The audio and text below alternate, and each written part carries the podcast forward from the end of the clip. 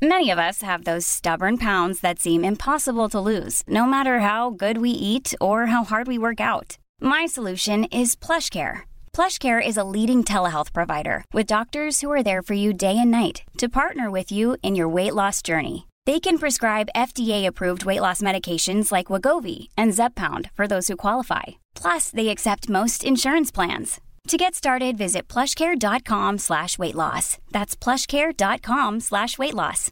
One size fits all seemed like a good idea for clothes Nice dress. Uh, it's a it's a t-shirt. until you tried it on. Same goes for your healthcare. That's why United Healthcare offers a variety of flexible, budget friendly coverage for medical, vision, dental, and more. So, whether you're between jobs, coming off a parent's plan, or even missed open enrollment, you can find the plan that fits you best. Find out more about United Healthcare coverage at uh1.com. That's uh1.com. Og Da ser vi sekundene de går ganske fort, men det får vi håpe at du, Gjermund, gjør også. Og vi må ha klart for oss at fra det stedet vi først får øye på han, vil han bruke over to minutter inn. Over to minutter, helt sikkert.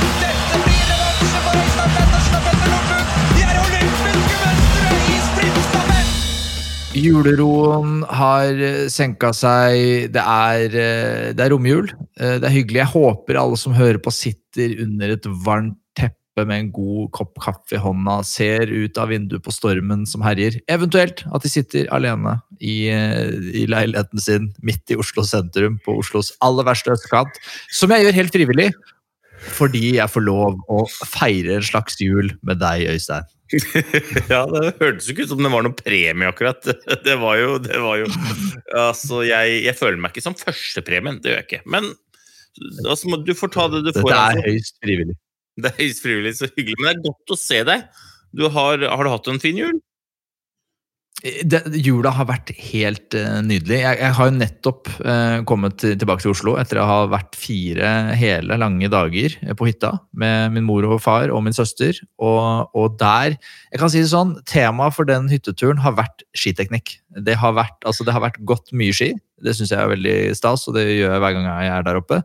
Uh, men det har vært et ekstra fokus på teknikk. Og for å si det sånn, hele familien har vært involvert. Det, Ja, det er gøy, det er gøy. Og, eh, og nå er temaet Nå legger vi det bak oss, eller er det sånn Dette mm, har vi litt å gå på, men vi syns det er gøy. Ja, vi har knapt begynt. Altså, det, er, det, er, det dukket opp en hel haug av nye spørsmål. Noe som passer bra, fordi dagens tema er Q&A spesial. Oi, oi, oi. Det er ja, ja, det er, så, det er jo så mange spørsmål som vi får uh, stadig vekk. eh, og, og jeg tenkte at det eneste måten å klare liksom å gjøre dette på en litt ordna måte, tror jeg blir at vi jevnlig kjører noen sånne Q&A spesial, hvor det eneste som står på agendaen, er uh, å besvare spørsmål. Ja. ja, men det er greit, det. Dette er en slags pilottest av det konseptet. Uh, Men jula di, Øystein, hvordan har den vært? Eh, nei, først må jeg spørre akillesen. Hva gjorde jula med akillesen din? Det er jeg litt spent på. Ja, jeg tror den har blitt Den har i hvert fall ikke blitt noe verre. Jeg, jeg, den kjennes eh, bedre ut. Jeg merka det på, no, på de lengste turene. Vi hadde et par turer som sneik seg kanskje over to mil. Og det, for meg, ganske, Ja, ja. ganske langt. Eh, og da merka jeg litt, for at eh, jeg klarer ikke å stake to mil på flate føtter. Og det hele ideen om å stake på flate føtter fikk seg jo også en, en, et skudd for baugen, med tanke på at det sånn rent teknisk ikke er, var de tipsene jeg fikk. Så, så jeg prøvde jo å måtte respektere tipsene og, og bli en bedre skiløper, og da må man jo gå på tåspissa, da, og da får jo akillesen kjøre seg litt. Men jeg tror det jeg tenkte nå, planen i dag er å ta det rolig, litt sånn fri, kanskje litt styrke eller sånn uh, her hjemme, og så i morgen teste løpesteget. Det er, det er planen. Og da får jeg vel eh, svaret da. Drevet med, Jeg fikk jo en veldig god SMS av deg, som du, du hadde fått et tips av en, en tidligere trener av deg. Eh, Hvem var dette? Ja, det var Per Øyvind Torvik, som da mm, nå jobber øh, i Meråker. Han har vært lærer og trener i Meråker i en manns alder. Meget trivelig fyr, oppegående fyr, som har vært borti flere Hansos og akillessener tidligere. Så han, han sendte jo det at øhm, en melding om at når den akutte fasen er over, altså når, når på en måte det derre som er veldig vondt nå, har begynt å gi seg, så kan du begynne å kjøre litt eksentrisk styrketrening og bevegelighet for å trene opp både bevegeligheten i sena og styrke muskulaturen rundt. da. Ja, og det skal jeg begynne med. Det er planen å gjøre i dag. Jeg testa det litt i går. Til å begynne med skjønte jeg jo ikke altså Eksentrisk trening, er det, er det litt sånn gæren trening? Altså Jeg skjønte ingenting. Så, du, så sa du bare det orker, Dette har jeg ikke tid til å forklare på julaften. For det var jo da selvfølgelig på julaften jeg begynte å sende deg meldinger. Eh, og da sa du kan ikke du google det? Gikk under og googla det, og så skjønte jeg at dette her er en slags eh, Fra styrketrening så kaller man det jo en slags negativ repetisjon, hvor du fokuserer ikke på å å, å, å, løfte deg opp, på en måte, men det å, å, senke deg. At du skal senke deg rolig. I benkpress vil det være for eksempel, at man senker stanga ned rolig fremfor å dytte den opp. Da, hvis man skal prøve å finne en analogi. Ja, og med fare for å virke som Jon Almås eh, og besserwisser-land her, så tror jeg vel faktisk at eh, det fra styrkeland heter eksentrisk styrketrening. okay. Så jeg tror, det er, jeg tror det er bare du som kaller det for negativ styrketrening. Men, men Altså, det spiller ingen rolle hva du Kall det hva du vil. Kall det hva du vil. Bare gjør det. Fordi eh, det er jo det som er det viktige her, at du gjør det. Hva du kaller det, det spiller filla rolle. Kall det for eh, husmortrim, kall det for Hansos eh, spesial, kall det for hva som helst. Ja. Nei, men jeg skal lære meg eksentrisk trening. Det skal jeg gjøre i dag. Uh, men jeg, jeg, tilbake til din jul. Bare vil ikke la deg slippe så lett. Jeg ser du sitter og nyter en deilig kopp kaffe. Den er, I dag er den ikke håndservert av Bård i Kaffebryggeriet, men den er servert uh, per hånd fra svigermor, er det det? Og ikke et stygt ord om Bård, men jeg tror det er lagt mer kjærlighet i denne enn ja. Hvis Bård hadde servert meg en kaffe. Det er mer sånn uh, hardcore business-kaffe uh, fra Bård. Uh, så denne fikk jeg av svigermor. Jeg er nå i Skåbu, hvor min svigermor bor. Også hvor vi har hytte. Så jeg har da sneket meg opp av senga, ikke sant. Som alle vet, når man skal snike seg opp før, uten at familien våkner, så kan du være helt sikker på at det hadde vært mye bedre å bare stått opp helt vanlig, for alle våkna. Altså, jeg sneik meg ut som en elefant som tråkker på potetgull. Altså, det var bare Hva skjer med verden? Uh, men, men, nå sitter jeg i hvert fall her. Alle er våkne, og jeg har fått en kopp kaffe. Ufortjent, men ja. deilig. Så, men jula har vært fin. Um, jula har vært fin. Hadde, vi hadde en veldig fin julaften på Lillehammer. Uh, men jeg skal være ærlig og si at jeg har hatt uh, Etter at vi spilte inn pod sist, så uh, vi har snakka om uh, Gjennom skydda så har vi snakka om å ta vare på helsa, fordi at helsa er det viktigste du har. Så min kjære far, han uh, blei dårlig i jula og blei lagt inn på sjukehus, faktisk.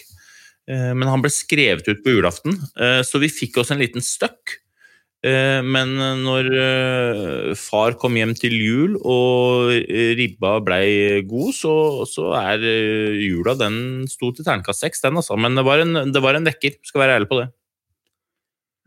Så eh, Det viktigste er at uh, han har det bra nå, at han blir frisk. Og så tenker jeg det er jo som du sier en vekker, da. Man må ta, ta ting på alvor. Og, og nå vet vi ikke Det er vel kanskje eh, Jeg er ikke medisiner, det er vel ikke du heller, så det er vel drøyt å begynne å trekke en parallell til at dette skyldes at han har smørt ski i Norge. Det tror jeg vi skal være helt ja.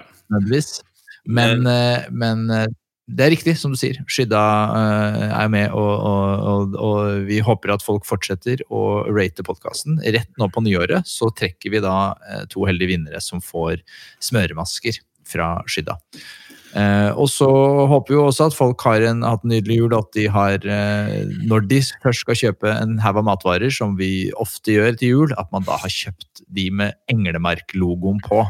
Eh, det er jo slik vi gjør det, fordi da er vi med og, og støtter Coop-dugnaden, som uh, jobber for en veldig viktig sak, uh, nemlig at alle barn og unge skal få mulighet til å delta i organisert idrett og være med. Fordi det tror jeg barn er jo den viktigste ressursen vi har. Jeg har ikke bidratt med, så mye ennå med å, å, å, skape fremtidige ressurser.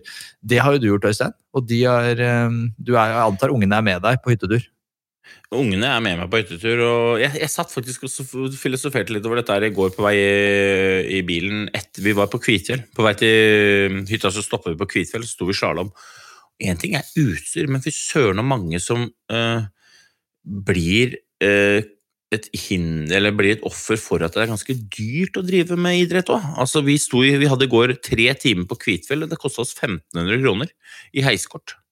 Vi er heldige, eh, men det, det fikk meg til å tenke at det, er- det er viktig å skape lavterskeltilbud som alle kan få være med på. For jeg ser hvor mye glede både jeg og ungene mine har av å, å være ute og, og være i aktivitet. Altså, nei, det, den uh, Coop-dugnaden skal vi sette litt fokus på, for det er viktig. Yes, yes, yes.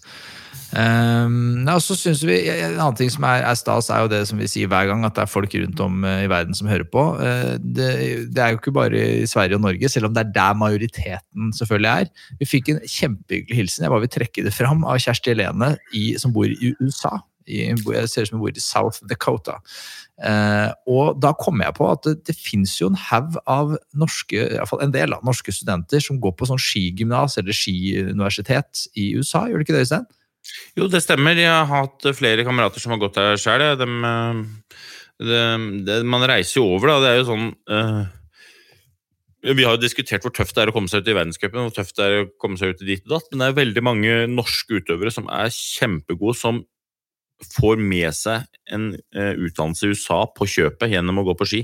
Reiser over på sånn eh, skistipend, og, og om det er eh, den ene eller andre stedet, og er der og koser seg. Så det er jo helt rått, det. Ja, jeg tenker, det hadde vært, det, det, Igjen, jeg er så nysgjerrig.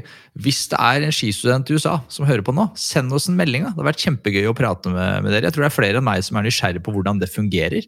Eh, Det er sikkert andre unge der ute som vurderer og, og, og et sånn type studie, som, eh, som sikkert vil høre mer om hvordan det fungerer. Hvordan er livet der borte, og hva gjør man på?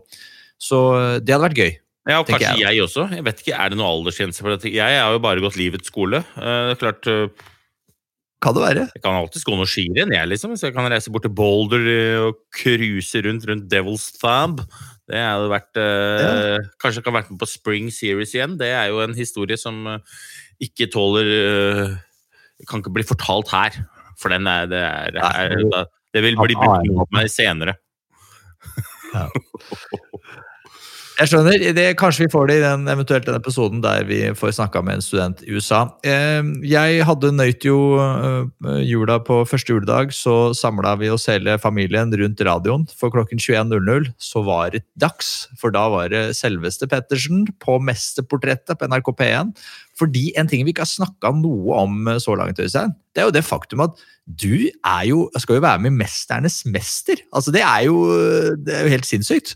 Ja, det er jo Altså, det er dødsgøy bare å bli spurt. Da. Jeg, jeg skal være ærlig og si at jeg syns jo nesten det er litt sånn halvflaut å snakke om. Ikke sant? Mesternes mester og Ja, det syns jeg. Det er jo også øh, det, er jo, det er jo et program for store stjerner og meg. Eh, så det er jo Men det var, jo, det mener jeg. Det mener jeg. Men det, men det var veldig Nei, gøy. Altså, det var helt fantastisk. Ja, altså det er jo, altså det er jo kjempe, kjempekult. Det er, jo, det er vel det mest sette TV-programmet i Norge i nyere tid, så det er jo klart at det er, eh, det er dritkult. Eh, og det at vi har at Skipoddens utsendte, å være det der, er jo gjevt. Eh, Også internt i redaksjonen er jo det gjevt.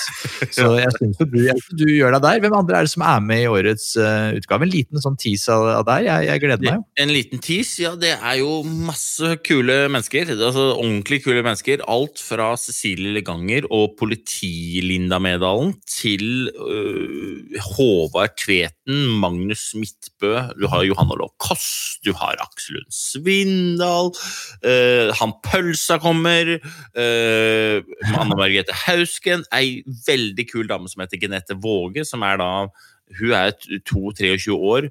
øh, øh, har drevet med motorcross. Altså hun, hun hadde på seg noen klær som de, de, Det er egentlig ikke lov til å vise sånne klær på NRK, men hun er liksom 22 år jente, og de har tydeligvis sånne klær på seg. Så på den ene siden er hun sånn jente-jente-jente, og på den andre siden så setter hun seg på en 150 kilos tung motorsykkel, tar på seg en hjelm og bare brenner av gårde i gjørma. Veldig kul dame, og jeg tror det blir god TV.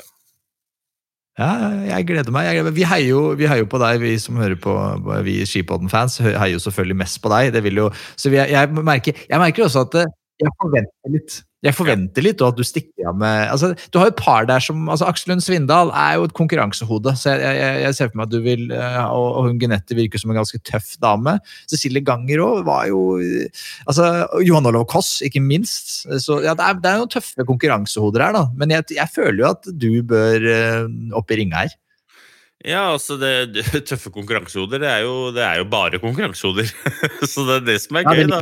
Det er mesters natur, eh, akkurat det. Det, ja, det, er, det er mer blanda drops på Farmen kjendis, som begynner nå snart også. Det er det. Eh, det er, mer, der er det mer Det er ikke bare konkurransehoder her.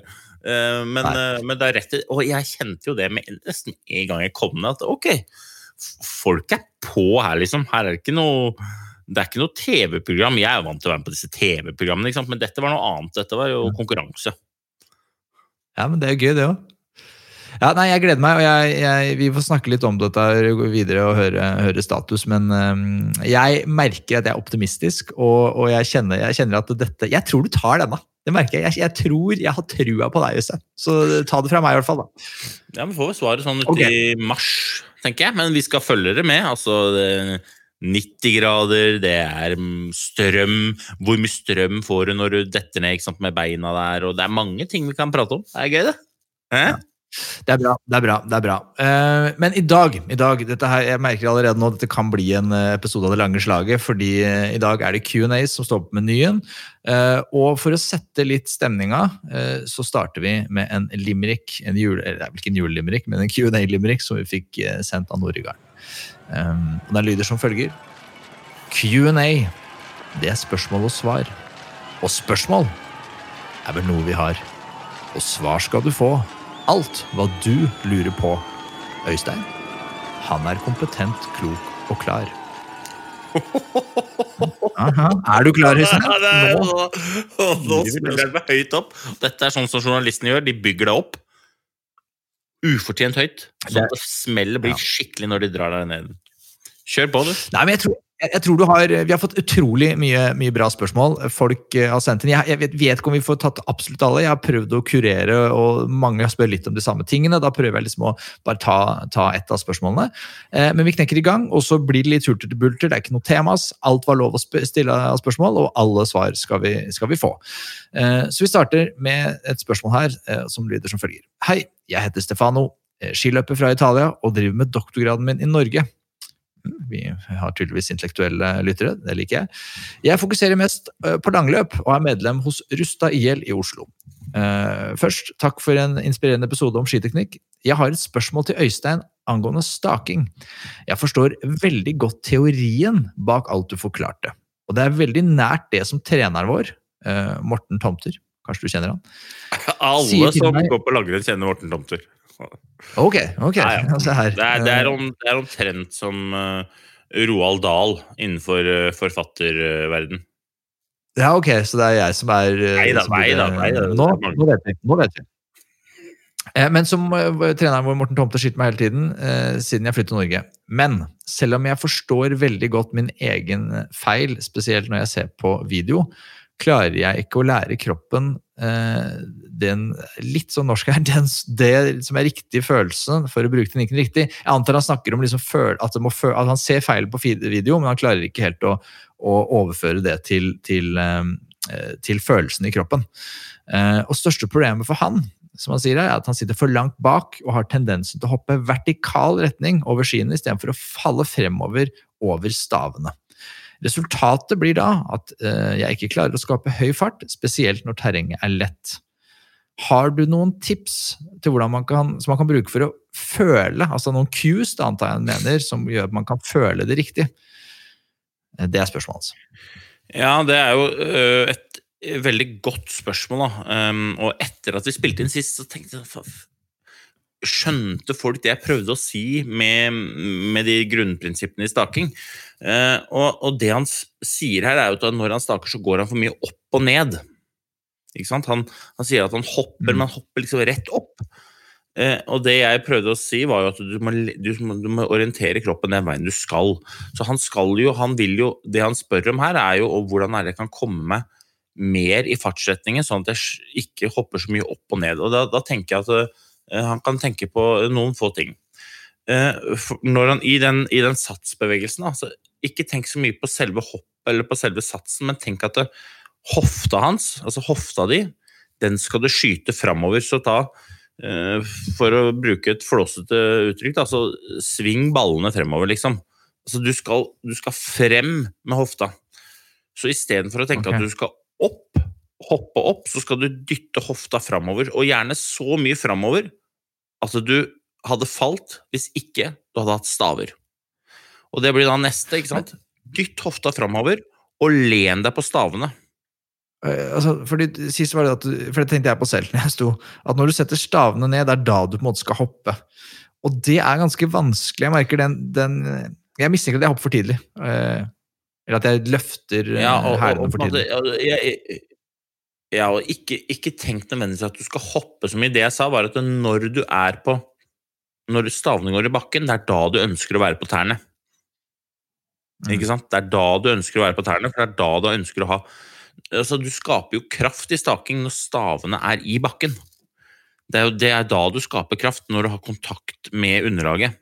Alt annet det er jo bare mm, egentlig brems. Men i det staven går i bakken, så vil du være på tærne, for da har du fall framover. Og fall framover vil jo da sørge for at du har, eh, i tillegg til å bruke muskelkraft, bruker også tyngdekraft til å skape fremdrift gjennom stavene. Så han, han må, han må, se, han må eh, skyte hofta si framover og, eh, og sette og så lene seg på stavene. Rett og slett komme seg lenger fram med hele kroppen, orientere hele kroppen lenger fram, og, og lene seg på stavene. Eh, og hvis Når du setter staven i bakken, så står staven stille mens du beveger deg fram på skiene. Staven står stille. Så jo fortere det går, desto lengre fram må stavtuppen komme. For hvis ikke, hvis du setter stavtuppen ved skoene dine og du har veldig høy fart, så innen du har begynt å skape kraft, så har, du, har skiene sklidd forbi stavene, og så er det på en måte vil du, har du bare eneste muligheten til å skape kraft, det er å sette deg, fordi at du har kjørt fra stavtuppene dine. Så jo høyere fart det er, desto lengre fram må du sette stavtuppene for å få tid til å skape kraft. Akkurat samme som på gir. ikke sant? Du girer opp på store skiva for å bruke lengre tid per tråkk på sykkelen. Akkurat det samme er det med stav, staking. Jo høyere fart det er, desto lengre fram må du sette i selve stavtuppen i snøen. Jo lengre foran skiskoen må du legge, sette stavtuppen i snøen, fordi at du fortsetter framover hele tiden, mens idet staven går i bakken, så står den stille. Så han må skyte Ja. hofta si fram, tenke rett og slett bare sving hofta framover. Sett stavene litt lenger fram, men fortsatt med vinkel i albuen, fortsatt med, eh, med staven så nærme underkroppen som overhodet mulig, men da, da blir det orientert fremover. Og så kan han prøve å tenke at den skal ha vinkel i ankelen. Altså, du står ikke stå med rette eh, 90 grader i ankelen, men prøv å ha en spiss. Jo spissere vinkel du klarer å ha i ankelen når du står, desto lettere er det å skyte hofta framover og rette deg ut i fartsretningen, hvis du skjønner hva jeg mener. Nei, det spis, altså, snakker man da om at knærne Ja, altså Hvis du står med eh, så- som en skihopper Han, har jo, han står jo ikke med 90 grader i, i ankeleddet når han kjører nedover. Han står jo veldig sånn aggressiv og spiss posisjon i ankeleddet sitt. Og når han satser, så sats, hopper han jo ikke rett opp. Han, da dytter han bare hofta framover. Krafta går ned gjennom beina, og han tar, det er jo en satsbevegelse, men det han gjør, er jo å dytte hofta fram. Uten å reise overkroppen. Mm. Han bare liksom dytter hofta framover. Litt det samme blir det på staking. Du må få hofta di fram, ikke hodet opp. Mm, mm, mm. Eh, og en annen ting jeg, bare, når jeg tar det mens vi snakker om staking, som jeg begynte å filosofere over For jeg, jeg hadde en episode på hytta der hvor jeg, hvor jeg ikke skjønte, jeg skjønte ingenting. Og det, det er mange årsaker her. Jeg vil bare ta det med deg. Jeg har en søster som er eh, Hun er ikke en atlet. Eh, Hun er sånn ok trent, har jogga sånn halvmaraton og sånn. Ikke gått mye på ski, mindre på ski enn meg. Og jeg vil anta at hun er svakere enn meg, altså rent muskulært. altså Hun har mindre styrke i overkroppen enn jeg har. Og så skulle vi, gikk opp, og Jeg jobba veldig med teknikk, jobba på, eh, og så kommer hun plutselig opp på sida av meg, dette er på en flate, i det jeg vil kalle sånn ordentlig Ikke for å bli Henrik Kristoffersen her, men ordentlig sånn konemorstil, hvor det er sånn en slags en slags treig diagonalgang hvor hun glir litt sånn bortover. Og, bare, og hun fløy liksom bortover flata, mens jeg følte jeg, nå går jeg på, nå staker jeg på 80 her. Og, de, og, og vi gikk like raskt. Og hun så helt uaffisert ut og snakka bare 'ja, åssen er det med livet ellers?' Og, jeg, jeg, hadde ikke, jeg ikke ork til å snakke. Og tenkte Enten har hun funnet opp en ny teknikk som er revolusjonerende effektiv, eller så gjør jeg noe alvorlig galt. Um, og så, og bare for å ta videre, for det jeg da begynte å forske på og jeg, jeg prøvde virkelig å følge alle kusa. Og så eh, dagen etterpå, da, så, og her kan det være føre og ski og, så videre. Jeg har jo ikke som jeg om før, jeg har jo ikke de råeste skiene per dags dato. Eh, men men eh, allikevel, jeg tror ikke det skal være det alene som er, er grunnen. Men så prøvde jeg dagen etterpå, og, bare for å eksperimentere litt, det var noe vi ikke snakka så mye om sist, men det jeg prøvde på da, var å få, få albuene litt lenger unna kroppen. For det jeg tenkte på, jeg tror jeg går veldig smalt. Altså jeg er veldig albuene veldig tett på kroppen når jeg går. Så jeg går veldig sånn opptatt tenker estetisk pen, tenkte jeg det er. Men så jeg, begynte jeg å tenke, vent litt, hva er det jeg ser på, hva er det jeg ser på TV? Hva er det jeg ser Klæbo gjør?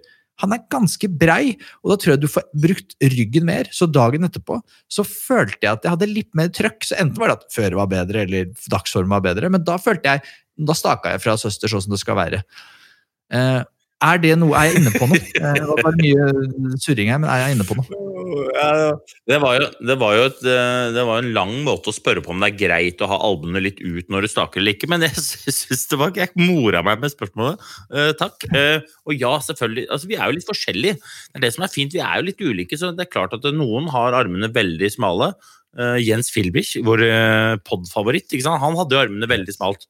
Mens, mens Klæbo bruker armene veldig bredt, og det er jo veldig mm, det er jo helt det, det går, Begge deler går veldig bra. Eh, det her handler bare om hva som føles mest naturlig. Altså, Stefano lurer jo på følelsen.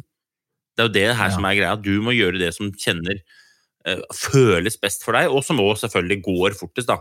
Eh, så hvis det føles best for deg å, å ha armene ut, og det i tillegg går fortest, så ville jeg fortsatt med det. Det er ikke noe farlig i det hele tatt. Eh, en annen ting som du sa, du, du sleit litt med det derre hoppet, sa du. At det liksom må være på Ja. tærne. Eh, og, og jeg sa jo det fordi at jeg vil at folk skal være liksom framme i skoa når dere setter stavene i, i, i bakken. Men man må ikke hoppe. Man må, man må ikke hoppe. Man må bare ha kroppen orientert fremover. Man må bare ha trykket foran i skoen. Men du trenger ikke å hoppe for å få det til. Så lenge du har en aggressiv vinkel i, i ankelleddet, så, så handler det egentlig bare om å få orientert kroppen fortest mulig fremover etter et, nytt stavtak. Og, og sørge for at du er på tærne. Så f.eks. en Erik Valnes. eh, Nå antar jeg at du ikke nødvendigvis fikk med deg akkurat det, da, men når han staka og øh, vant i Kusamo foran Ja. Klæbo på sprinten, så var han ikke særlig Det var ikke noe hopp der. Han bare, når han var ferdig med et stavtak, så bare dunka han hofta og orienterte bare kroppen rett framover igjen. Og nytt til nytt tak. Eh, Arild Monsen, som er trener for sprintlaget, han har ett, ett ku som er ganske fint. Ok. Hurtig retur, sier han. Hvis du ser på innspurten til Pål Golberg på 15 km på Nattestilen, så sier han i siste bakken til Pål hurtig retur, hurtig retur, hurtig retur. Og det betyr rett og slett få armene fort frem igjen. Fordi at du skaper kun kraft når du har staven i bakken. Hurtig retur. Ja. En, en annen ting jeg, jeg, Så taket ditt kan være ganske langt. mm. Altså selve, selve stavtaket kan godt bruke litt tid på, for du skal jo skape kraft. Og du, skal, du må ha tid til å skape kraft, men når du har staven i bakken, da skal du være rask. Se på Klæbo, Ja. se på Valnes, se på Golberg, se på Johaug, se på alle de som gjør det veldig bra. De er det han kaller for hurtig retur. Ja. Nei, en annen ting jeg tenkte på også, var, som jeg, kanskje er et, et Q, var, som jeg merka på, på søs, min søster. Hun vil også eksperimentere, da, lære seg å stake. eh, Ikke så erfaren med den stilarten eller den teknikken. Eh, og hun ble veldig sånn krøka. Hun, hun starta takene sine Hun, hun retta ikke opp kroppen skikkelig. Og det var for noe jeg så, da, at jeg, jeg, tror hun ville gått bedre hvis hun hadde starta med, med rett rygg. liksom. Er det noe man skal gjøre, eller, skal man, eller kan tenke på? Nei, jeg, jeg nevnte det her sist, at det her er en sånn det er jo, hvorfor, hvorfor starter du og er liksom helt nede hele tiden? Jo, det er fordi at du øh, avslutter taket litt for langt nede. Du setter kanskje stavtrinsene dine for, øh, for lite langt fram, så du setter stavtrinsene litt for langt bak. da, Si at du setter den omtrent ved hælen. Og så kjører du fra staven din, og så blir du djup. Og så har du kanskje ikke så stor fart i utgangspunktet, og da har du ikke tid til å vente på å komme deg helt opp, for da stopper farta. Så da tar du heller et nytt tak også. Og da, Det er derfor din søster blir der nede, for hun starter hele syklusen sin nede. Eh, Og da hadde jeg ett Q, og det var jobb foran kroppen. Altså Flytt hele bevegelsen foran kroppen. Få tid til å reise deg opp, og jobb heller foran kroppen istedenfor sånn som søsteren din. med mindre, Nå generaliserer jeg og putter henne i en bås, da, men for meg så høres det ut som hun jobber i dype posisjoner, litt bak kroppen. For hun har liksom aldri kom, kom, Hun har ikke, måte, har ikke tid til å komme seg ut av den onde sirkelen som hun har dratt inn i. Mm. Mm. Så, så En annen cue her kan være kanskje til Stefano. for det, da tenker jeg på meg selv at man kanskje, Jeg var så opptatt av, også tror jeg når jeg, når jeg ble, opplevde å bruke veldig mye energi på å bli fragått av min søster, som gikk en helt annen stil, helt særegen stil. altså Jeg vet ikke hva hun dreiv med, men effektivt var det. Eh, det tror jeg var at jeg ble så fokusert på å ha albuene tett i kroppen at jeg ikke satt stavene langt nok fram da, og fikk brukt liksom min styrke, som er, er altså, relativt til henne. da, Så tror jeg at jeg er sterkere. Ja, altså uavhengig av hvor, om du har albuene ut eller til siden, så Q var få albuen fram, og det er for å orientere kroppen eh, den veien du skal, og i tillegg skape rom mellom albuen og hofta, sånn at du kan ta albuen mot kne, da, eller albuen mot hofte, eller albue, litt avhengig av terreng, da, men jeg brukte albuen mot kne, for det, det er liksom veldig greit å kjenne. Men det er viktig å få skap rom til å jobbe med albuen gjennom å dytte den framover. Men vi må ikke gjøre det for vanskelig, ikke sant? Så Stefano, eh, bare fortsett med det du gjør, men husk at du skal stå på beina dine, og du skal ha, orientere kroppen den veien du skal, og så må du skyte hofta di i fartsretningen, ikke opp. Altså hodet skal ikke opp, men du skal få sving på ballene dine, og, og len deg framover. Dytt hofta framover, stå med litt spissere vinkel i, i eh, ankelen, og så sett stav, len deg rett og slett på stavene. Mm. Bra spørsmål, Stefano. Det var ikke meningen. jeg føler Der kuppa jeg litt spørsmål til Stefano. Det var jo ikke meningen. i det hele tatt. Vi må hoppe videre. Nei, men det er jo fint, det. Ja, det er bra. Det er bra. Vi har fått et spørsmål av Daniel Aarum. Han sier Hei, gutta. Jeg har et spørsmål vedrørende slip. Det er jo et hav av ulike strukturer. Hvor stor forskjell er det på de ulike forhandlerne egentlig? Spørsmålstegn. Og så er det da Bull, Sportslager, Slukeren, Fossport osv. Slukeren har jo vært litt kongen av slip, og der alle ønsker å slippe skiene sine. Hvorfor er det slik? Jeg har vanskelig for å forstå at en lik maskin i ulike butikker gjør så store forskjeller. Jeg vil heller tro at de i alle fall har blitt testet mer på ulike RA-verdier. Her er det mange ting jeg ikke jeg henger med på, så eh, Øystein? Ja, det, det er veldig gøy spørsmål. Her er det jo tydeligvis en som eh, det er ikke første, altså Når du drar opp RA-verdi, så det er, det er ikke første gangen du, du har gått på ski da, eller i hvert fall sett på en, eh, sett på en ski med litt struktur i. Eh, RA-verdi det er bare dybden på mønsteret i, i slipen. Og slip det er da det du setter under skiene for at den skal passe på det føret som er ute på dagens føre. Eh, så man sliper skiene sine, eller steinsliper skia sine, som det heter. da. Eh, og det han spør om, er jo da om det er stor forskjell på de ulike fabrik... eh, for det er ofte sportsbutikker som sliper skiene. Sportsbutikker som har spesialister innenfor skisliping, som, som setter sliper, og de har sine egne sliper. Eh, jeg er jo da sammen med gift med ei flott dame, og broren hennes er da han som lager slipene på milslukeren. Så jeg er jo egentlig program, programforplikta til å si at milslukeren har veldig gode sliper, og det har de. Eh, Jeg har vunnet eh, og gått mange gode skirenn på milslukersliper, og det har vært en veldig, veldig eh, Er en veldig, veldig god godt sted å slipe skiene sine. Eh, Men jeg har vunnet olympisk gull på slipene til Oslo Sportslager. Eh, Og eh, landslaget bruker, har brukt Terje Fardal, som da tidligere sto nede på Bull ski og kajakk, og slipte skiene sine der. Nå går jeg på sliper fra Brumunddal, NRP Sport. Og jeg er kjempefornøyd med de, og det har gått masse gode skirenn på det. Så, så slipene er jo øh, kanskje litt ulike, men han har jo rett i det å si det er jo samme maskin eh, eller to ulike typer maskiner, stort sett. Men, eh, men det er ikke så Det er litt, bare litt varianter av de ulike slipene som settes. Det er ikke så stor forskjell. Så eh, bruk den slipe, eller det slipeverkstedet du har mest trua på, men, men, men stort sett så er det bra. Det som er mye viktigere, er jo at du setter rett slip på rett ski. Uh, og med det mener jeg at uh, f.eks. en ski, da, han som er uh, i utgangspunktet laget for et kaldt skiføre, den vil aldri bli god på påskeføre, varm, varm, varm, snø med mye vann i. Hvis du setter en, en slip som skal fungere på påskesnøen på den kalde skia. Og da kan det godt forbrukeren tenke at det var en dårlig slip, men det var ikke noe dårlig slip. Det var kanskje rett slip, men du hadde helt feil ski. Så mm. Uh, dette er jo dette er vitenskap, kanskje, men uh, det er uh, ja. Svaret, det enkle svaret er at det er veldig, veldig mange som er gode. Mm. Det han spør om, er egentlig da hvor stor forskjell det er på de. Så det er vel egentlig det du sier, er at det er nok ikke så stor forskjell, fordi at det finnes kompetente folk alle steder. Så det er mer det at man må, man må ha rett ski til rett slip, og så Eh, det, Nå prøver jeg å oppsummere her, uten å ha inngående kunnskap om dette. Ja, det, ja men det er veldig bra. Du nøster opp. Ja, men det er helt, det er helt riktig. Det er, ikke, det er, klart at det er De som sliper, vil selvfølgelig hevde at det er stor forskjell, og det er sikkert litt forskjell, men alle sammen er innmari bra. Eh, så lenge du går til noen som du har hørt om, eh, og som du vet har holdt på med dette mer enn i forrige uke, Eh, eller lenger enn i forrige uke, så, så, så, er det veldig, veldig bra. Så er det, det kanskje, kanskje clouet her er jo å bli kjent med de slipene man har, slik at man ikke eh, begynner å balle med forskjellige typer sliper, fordi at vi setter ofte en for å gjøre det enda mer komplisert for deg, Hanso, så setter man ofte en slags eh, noe som kalles for manuell struktur oppi den strukturen man har fra før av.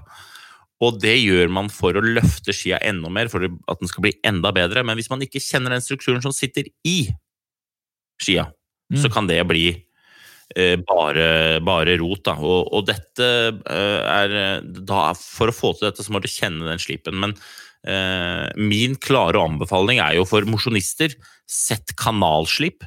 Gå inn i sportsbutikken, si at du skal ha en kanalslip eller du skal ha en rett slip. Og så, så, setter du det, for da vil det stort sett alltid gjøre skia di litt bedre, og så er det veldig lite skummelt å drive med rill oppi det. Ja, Så bare se Kanalslip og rettslip, det er det samme? To ord for det samme slipen? Eh, ja, eller altså, da går, da går, strukturen rett bakover i skia, da. Ja.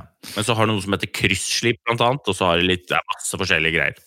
Ikke tenk på det, ikke tenk på det, men, men eh, jeg bruker NRP Sport, er veldig fornøyd. Veldig bra. Vi hopper videre. Vi må bare knakke løs. Vi må huske at Øystein, bare så det er nevnt, vi har jo uh, en del poser kaffe å gi ut til de beste spørsmålene. Så, så, det må vi bare huske underveis. Vi kan jo ta en sånn uh, kaffeutdelingspause etter hvert. Uh, et nytt spørsmål. hei! Et par spørsmål til dere. Med en rottefelle av move-binding, hvilken bindingsposisjon gjør en skøyteski mest lettgått når man drar to unger i pulk 45 kilo ca., og padler i typisk blåføre? Et første spørsmål. Det er. Det er jo det er et umulig spørsmål å svare på, for det er jo det er avhengig av eh, både føre og ski og, og alt. Men um, i utgangspunktet så vil en ski alltid bli lettere hvis du vrir uh, move-bindingen slik at bindingen står bak i bakre posisjon, for da har du mindre trykk på framskia, og da får du alltid lettere føring i skia. Så jeg ville anbefale han å prøve bak. Uh, bakover, for da får, du, da får du mindre trykk på framskia, og mindre trykk på framskia betyr ofte lettere ski å føre. Yes, jeg skøyter en del, siden det er mest smørefritt og krever lite prep. Mm, jeg liker uh, innstillingen hans, det har jeg lyst til å gjøre òg, men jeg kan ingenting, så det må komme senere i mitt løp. Ha, har det ja. Oi, nå følte jeg at vi hoppa ut. Ok, vi uh, Beklager, jeg tror internettet har bare jukka seg litt. Men har det noe å si? Hvis jeg plutselig trener staking med skøyteski og skøytestaver, 10 cm lenger enn mine klassiske staver, Uh, uh, hva, jeg skjønte ikke spørsmålet. Eller har det noe å si for hva? Han spør om det har noe å si om man trener staking med skøyteski og skøytestaver, altså framfor å trene staking med klassisk staver. Jeg antar dette dreier seg eh, Og dette er et godt spørsmål, fordi eh, jeg vil gjerne følge opp dette. Eh, Men det er jo noen regler. Hvis han skal gå et eh, ski classic-løp, så har man ikke lov å bruke skøytestavene sine. Eh, nei, uh, uh, altså for, for å svare på spørsmålet først, da. så det, det er jo like god trening. Så hvis målet hans er å trene, så har det ingenting å si. Han vil Så det har ingenting å si, det. Kanskje litt andre tekniske løsninger. Kanskje litt mer motstand i skøyteski enn en stakeski, men utover det absolutt ingenting å si. Kjør på, tenker jeg. Og bare, bare oppfølging fra meg her. Eh, Hans Olav, eh, 30 år fra Skedsmokorset, har et spørsmål. Eh, Det er at eh, Du, du fikk jo også melding av meg i jula. Det var, det var vel den dagen jeg hadde blitt, eh, opplevd å bli fragått av søsteren min i en helt særegen teknikk. Hvor jeg tenkte at grunnen til dette må være at stavene mine er for korte. For jeg følte at når jeg skal starte stavtaket mitt, så ble jeg fordi jeg skulle ha så rett albueledd, så begynner liksom Stavene gikk i bakken, følte jeg litt for seint, slik at jeg, taket begynte liksom ved hælene mine. ikke sant? Liksom vi om. Så jeg tenkte at ah, jeg har løsningen, jeg må bare ha nye staver. Dette er jo klassisk uh, rookie-tankegang, at uh, feilen er ikke hos meg, den er åpenbart i utstyret. Det er utstyret sin feil. Så går jeg hjem, øh, sender melding til deg, og du sier ja, det kan det være. Det er jo en enkel sak. Og så tenkte jeg det. Var jeg tilfreds. Men så tenkte jeg sånn, hm, det er jo noen regler for stavlengde. Så jeg gikk inn og googla. Hvor, hvor, hvor lang kan en stav være? Det er jo regler for sånt, for ellers ville alle hatt veldig lange staver, spesielt i, med tanke på staking. Og så ser jeg at det er 83% av høyden din med skisko på. Jeg er jo da 194 cm høy. Altså med skisko kanskje 196, kanskje 197, avhengig av eh, sko. Eh, og de stavene jeg hadde, var jo 1,65 lange. Og om noe er jo det faktisk for lange staver. Så da føyk jo den unnskyldningen ut av, av, vinduet. Um, altså det er jo 1-2 cm for lange staver. Så um, ja, det var en erfaring jeg gjorde meg. Så da må jeg tilbake til det, men, men det er da faktisk eh, Ja, eh, det, men det er ikke sikkert at det er for lange staver allikevel, faktisk. For det kan hende at det er eh, eh, At det er eh, For det går bare opp til der hvor eh, den eh, ski håndtaket går, eller stroppen går ut av håndtaket. Men, eh, men spørsmålet ditt er veldig godt, for det, var en stund hvor vi mm, opererte med veldig høye staver. Vi prøvde oss frem for å finne den optimale stavlengden.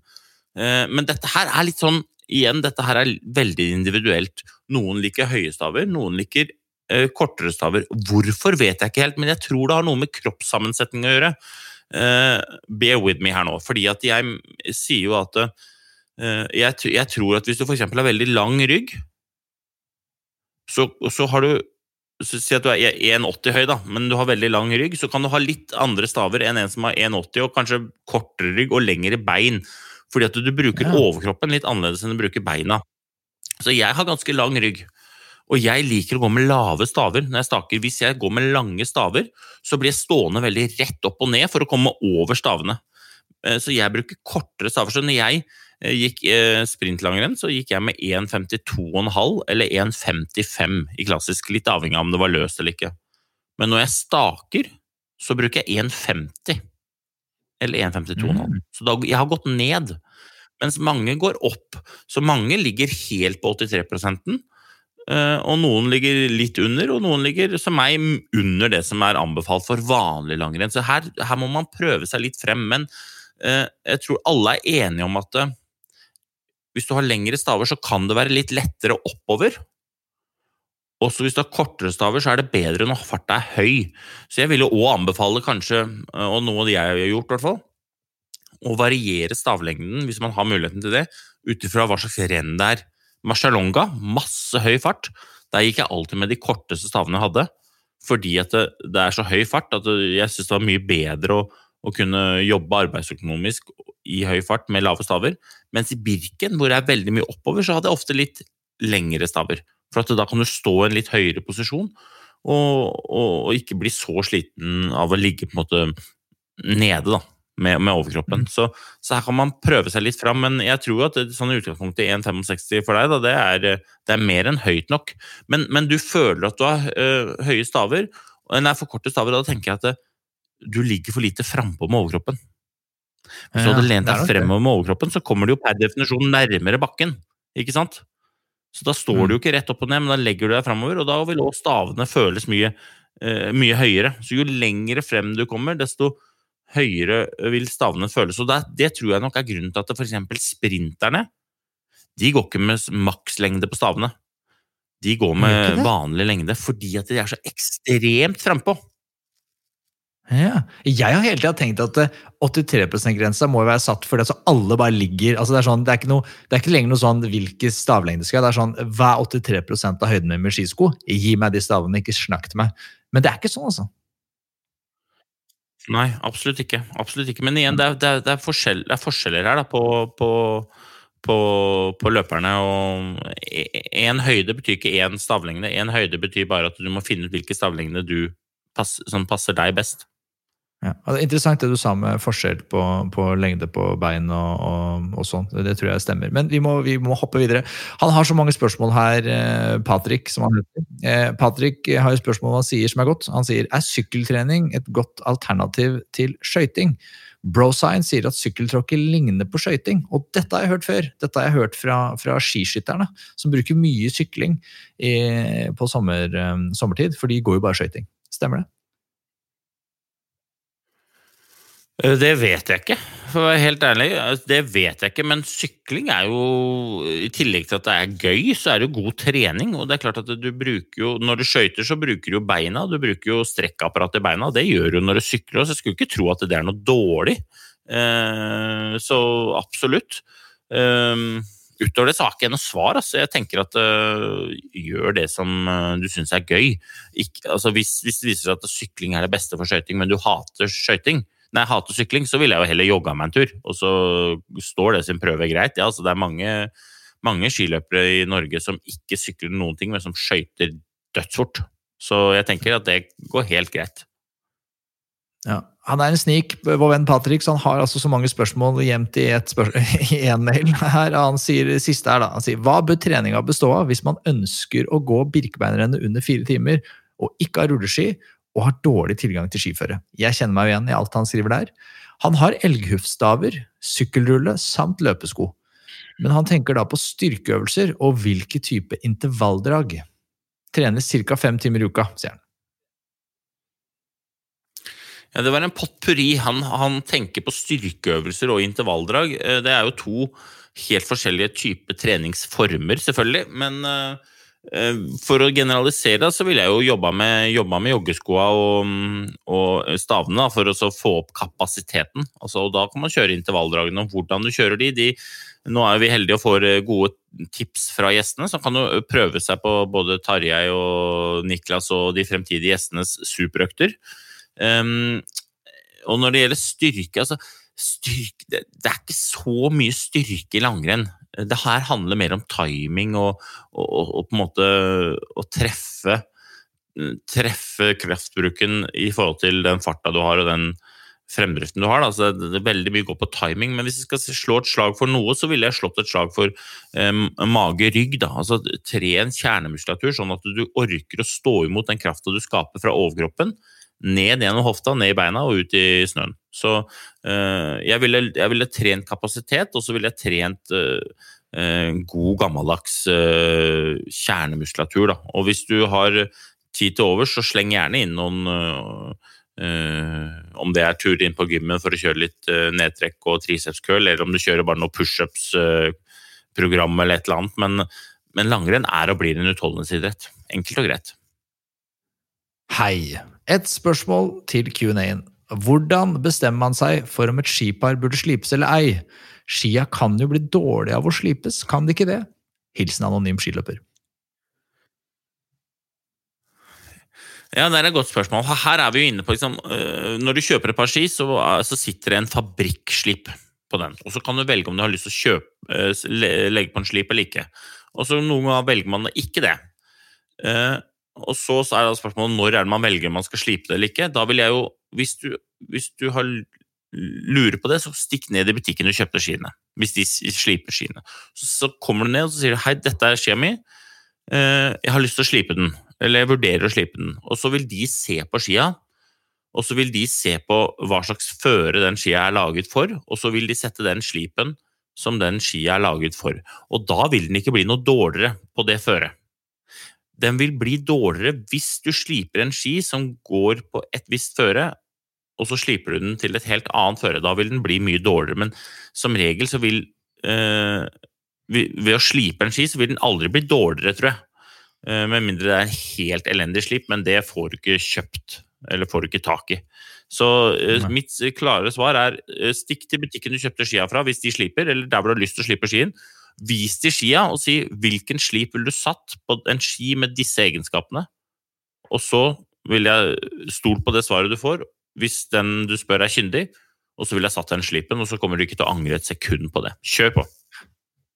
Men oppfølging på det, er det sånn at eh, en trent person bare ved å se på skia kan skjønne hvilket føre den eh, vil gå best på, strukturen vil gå best på? Fordi eh, Ja, altså eh, hvis jeg, jeg kan se for meg et problem her være hvis jeg kjøper skia et sted, og så kommer jeg til en, et helt annet sted og så sier jeg her er skia mi, og så vet ikke de på en måte hva den skia egentlig er laget for. Og så sliper de den da til noe de tror er lurt, og så plutselig har jeg da tapt.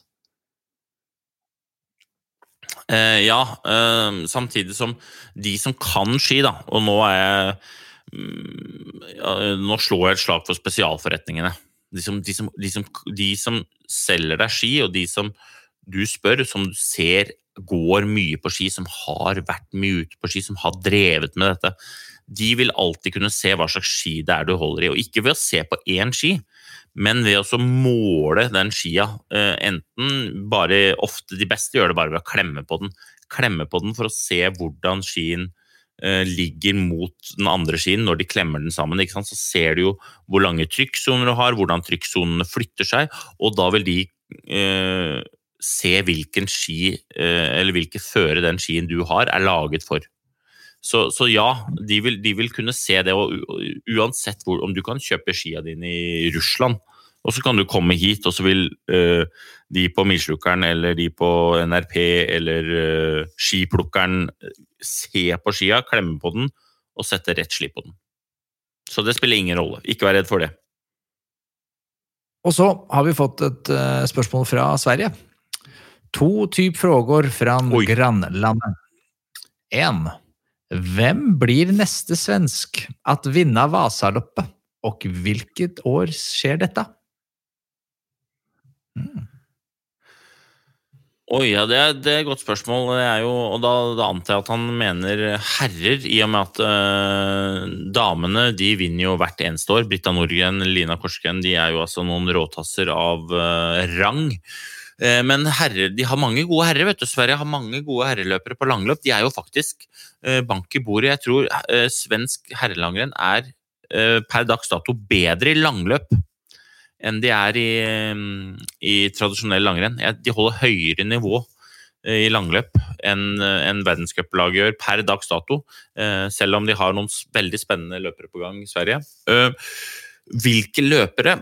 Det, er mange. Skal jeg si tre-fire favoritter, så ville jeg sagt Anton Carlsson, Oskar Kardin, Emil Persson Kanskje de tre.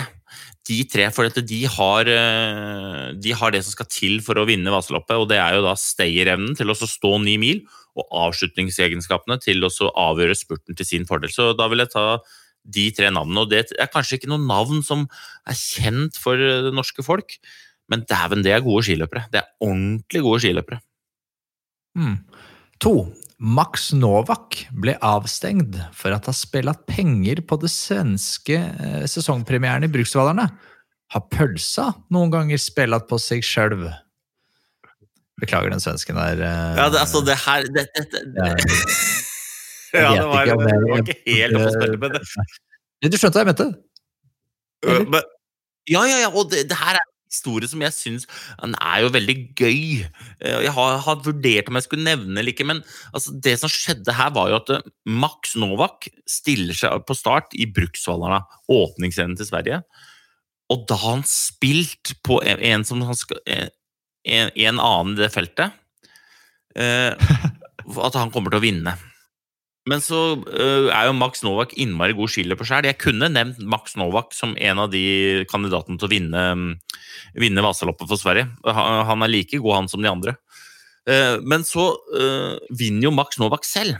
Og, så blir han da intervjua etterpå, og så sier han det at ja, det var litt dumt, for jeg, jo, jeg drev og vurderte om jeg skulle øh, om jeg skulle liksom slacka litt på bremsen for å ikke vinne rennet, men da vinne prisen og pengene for at jeg hadde spilt. Jeg var litt usikker på hva, hvor mye er pengepremien i spillet, og hvor mye vinner jeg hvis jeg vinner rennet. Så han hadde en liten sånn vurdering. Og da eh, jeg tror han glemte at eh, kampfiksing er ikke sånn ekstremt populært. Så, da, så han røyk rett og slett på en rolig utestengelse direkte på TV. Og det var jo veldig Med tanke på at dette var sikkert en vits. Eh, Han prøvde seg på der, eh, og så endte det med Og han hadde- var sikkert i lykkerus, for han har jo faktisk vunnet, det er jo imp ekstremt imponerende å komme inn som langmeter og vinne åpningsrennet der. Og så ender han da opp med å bli utestengt. Altså. Det er eh, Ja, men er vel, det er vel ja, dumt. ja, så det er jo ja. Ja, det er veldig dumt. Jeg har, da, jeg har, jeg aldri Jeg har spilt kanskje en, en eller to ganger på det som vi eh, Jeg vet ikke om det heter oddsen lenger, men altså, jeg, jeg er så lite inne på sånn spilling. Eh, men eh, for å svare på spørsmålet, så har jeg aldri spilt meg selv, og jeg vil anbefale alle sammen å så bare være klar over at det er ikke lov til å spille på, på renn man deltar i selv. Så ha, uh, ha det i bakhodet. og så hvis du er i tvil om det er lov eller ikke, så ring gjerne Max Novak og spør. Ok, hei og gratulerer med ny kanonbra podkast. Tusen takk. tusen takk. Har et lite spørsmål, eh, spørsmål angående stakeski og bindinger. Er move-bindingene verdt investeringen med tanke på stakeski? Ja, igjen da, så kommer vi tilbake til dette. ikke sant? Move-bindingen. Folk tror at move-bindingen er en sånn binding laget for felleski spesielt, men move-bindingen den, den endrer skias egenskaper gjennom å flytte, flytter bindingen frem og tilbake, og at da du endrer trykket på skien.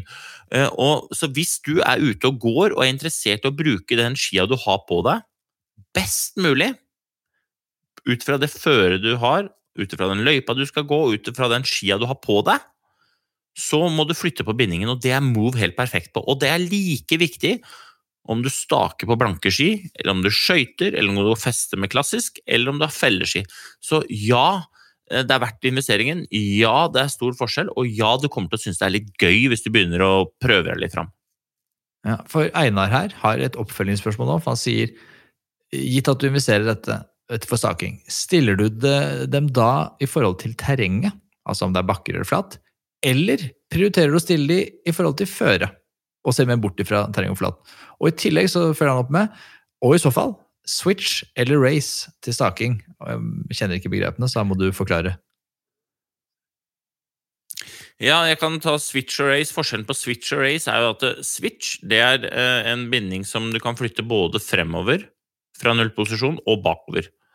Eh, Men den er litt kronglete, for det er et hjul, så den er ikke så lett å gjøre i fart. Race er jo eh, en, en, en helt ny binding som er liksom spesialisert for de som skal gå fort. Det er for den ambisiøse skiløperen som har lyst til å flytte på bindingen uten å tape tid på det, og, og da kan du kun flytte den bakover eller frem igjen i null.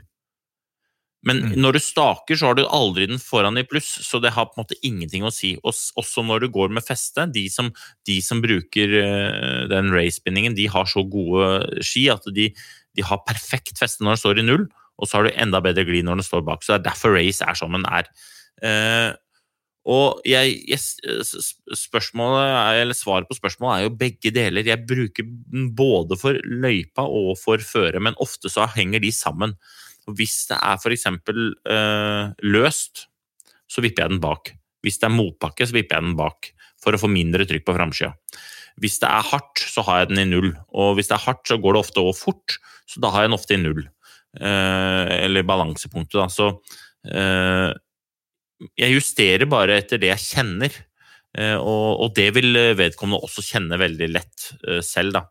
Eh, så, så svaret på spørsmålet er begge deler. Både for føre og for løypa.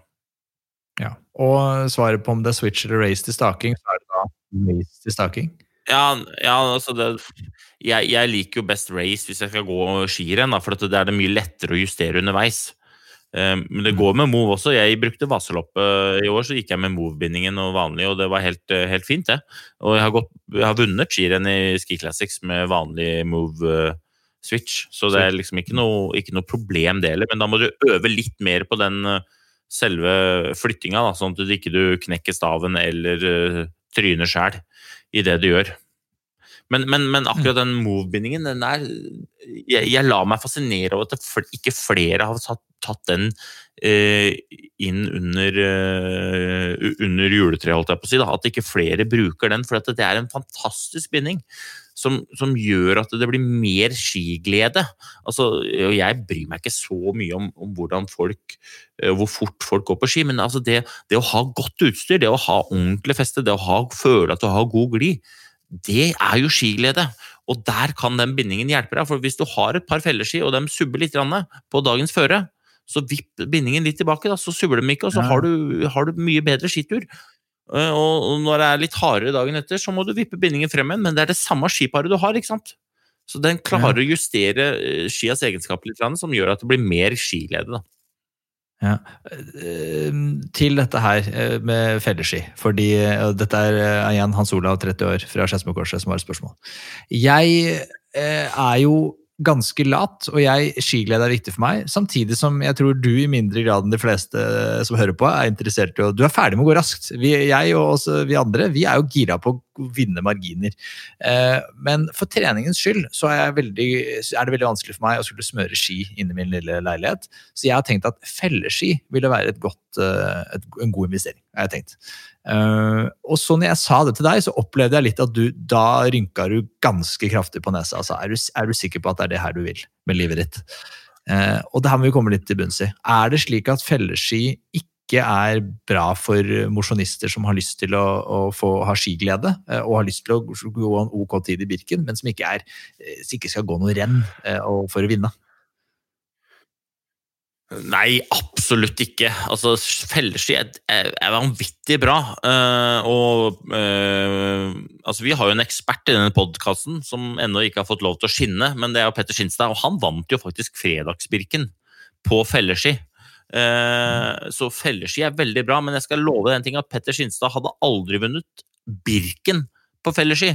Fordi at felleski i seg selv er litt altså Det er så små marginer på om den er bra eller om den er dårlig. For hvis fellen subber, altså den, det som gir feste, den gir ikke noe spesielt god glid. Så hvis den kommer ned i snøen, så, så er glien så døll. Eh, Så jeg eh, skal ikke si at det felleski er dårlig, men jeg sier at jeg, har ikke, jeg er ikke der ennå at jeg kjøper meg et par felleski. Da smører jeg heller litt ski, eller staker eller skøyter. Ja, men Det som dukka opp som, en, som ikke jeg har tenkt på før nå, da var derfor jeg kom på dette, her, var når du snakka om moobindingen. Se for deg nå, Øystein. Jeg, jeg går for noe felleski fordi jeg vil ha det enkelt og greit. Jeg gidder ikke å smøre ski. Eh, men for å liksom, eh, så skjønner jeg at jeg tar av en risk på at eh, de skiene ikke er optimale på alt føre. Og hvis jeg da har move-bindingen, så vil jeg jo da på en måte eh, kjøpe meg i gåseøynene litt fleksibilitet. slik at hvis jeg merker at jeg nå, nå subber fellen her, ja da jokker jeg den bakover. Og, og motsatt, nå er jeg dårlig feste, liksom. Ja, da jokker jeg den framover. Det er helt riktig, og akkurat sånn skal du bruke movebindingen uansett. Men det, helt, det, det du sier der, er helt riktig. Og så skal jeg legge på bare én ting når du han som skal kjøpe deg de der eh, skia. At da går du til noen som kan ski. Som kan selge deg ski, sånn at du får en felleski som er tilpassa din skigåing, din vekt og ditt bruk og, og dine behov. Fordi at det, alle ski det er så viktig å få rett ski. Ski er ikke ski. Jeg, igjen, jeg slår et slag for alle spesialforretninger jeg er ute. Jeg slår et slag for alle som kan det de, eh, det de eh, skal selge. Altså, du må kjøpe ski av noen som kan det. Og så, hvis du eh, skal kjøpe ski til eh, eh, Når jeg kjøper ski til ungene, så er det ikke så farlig. De skal bare ha ski. Og det er ikke så farlig, men når du skal putte liksom flere tusen kroner inn i et produkt som skal gi deg skiglede, så må du sørge for at den som selger deg skia, kan langrenn. Ferdig snakka. Mm. Men det kan godt hende at det finner du altså, Men bare sørg for at den du kjøper, hos, kan det ordentlig. Og at du, stoler ordentlig på det, så du går ut av den butikken og tenker det var lurt at jeg stakk hit. Vi må slå et slag for uh, Skipoddens 3000 meter challenge også, Øystein. Det er jo eh, den uh, challengen som vi lanserte her for et par uker siden. Det er altså, til de eventuelt nye lyttere, så er det at uh, undertegnede og deg, Øystein, og alle andre der ute som vi håper blir med oss, uh, skal løpe en 3000 meter siste uka i april. Og vi skal løpe den raskere enn vi trodde vi selv var kapable til å løpe den. Eh, Vi har jo fått med oss eh, Polar, som, eh, skal, eh, som gir bort to eh, helt sinnssykt rå pulsklokker. Altså den der eh, Vantage eh, V2, eh, som er Altså, de, de klokkene her altså jeg, jeg har knapt Jeg gleder meg til å bli kjent med min, min pulsklokke, Øystein. Jeg, jeg, jeg har så vidt begynt å bruke den. Jeg har ikke fått testa liksom alt. Og, og jeg håper, jeg tenker vi, Denne episoden her er så full av, av andre gode spørsmål, så vi kan ikke ta det her. Men jeg må lære masse. Jeg kan jo ingenting. Hvordan fungerer altså puls, intensiteter? Hvordan fungerer det? Hvordan finner jeg makspulsen min? Jeg, jeg tenkte jo kanskje at det var bare lett å bare løpe litt, og så finner jeg ut. Du sier at det er ikke så rett fram. Den, det gleder jeg meg til å finne ut av, og det må jeg lære meg. fordi eh, den her ikke bare inspirerer den meg, men altså, jeg, jeg driver nå og, og jeg sover med den. fordi jeg, den tracker jo søvn, så nå merker jeg jo liksom at jeg, jeg, jeg, jeg, jeg, jeg, må, jeg må optimere søvnen min også. Jeg kan jo ikke bare trene best, jeg må jo også sove best! Så det er helt rått. I tillegg så er Hoka med, med, med løpssko. Eh, og allerede nå i midten av januar så trekker vi eh, den første vinneren av løpeskoene. Um, og de, dette er også helt eh, sinnssyke løpesko. Du har løpt med Hoka lenge, Øystein. Du nevnte jo det i forrige, forrige episode.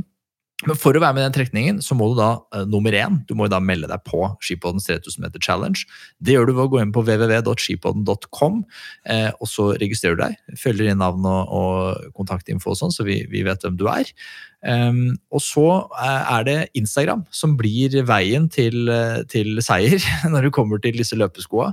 Så da er det bare å eh, lage stories eller en post hvor man da husker å tagge skipoden. Vise treningsglede, vise at du er med, at du jobber for å bli bedre, for å bli i bedre form. Det inspirerer oss, og da er man med å inspirere hele, hele gjengen. Alle som er med på dette. Og det er det som er litt greia. Det å løpe 3000 meter er jo på en måte en individuell greie, men det blir så mye lettere når man er sammen om det. Det merker jeg. Jeg er jo kjempeheldig da, som får, har, har relativt god tilgang på deg, Øystein, eh, som er veldig en inspirerende type.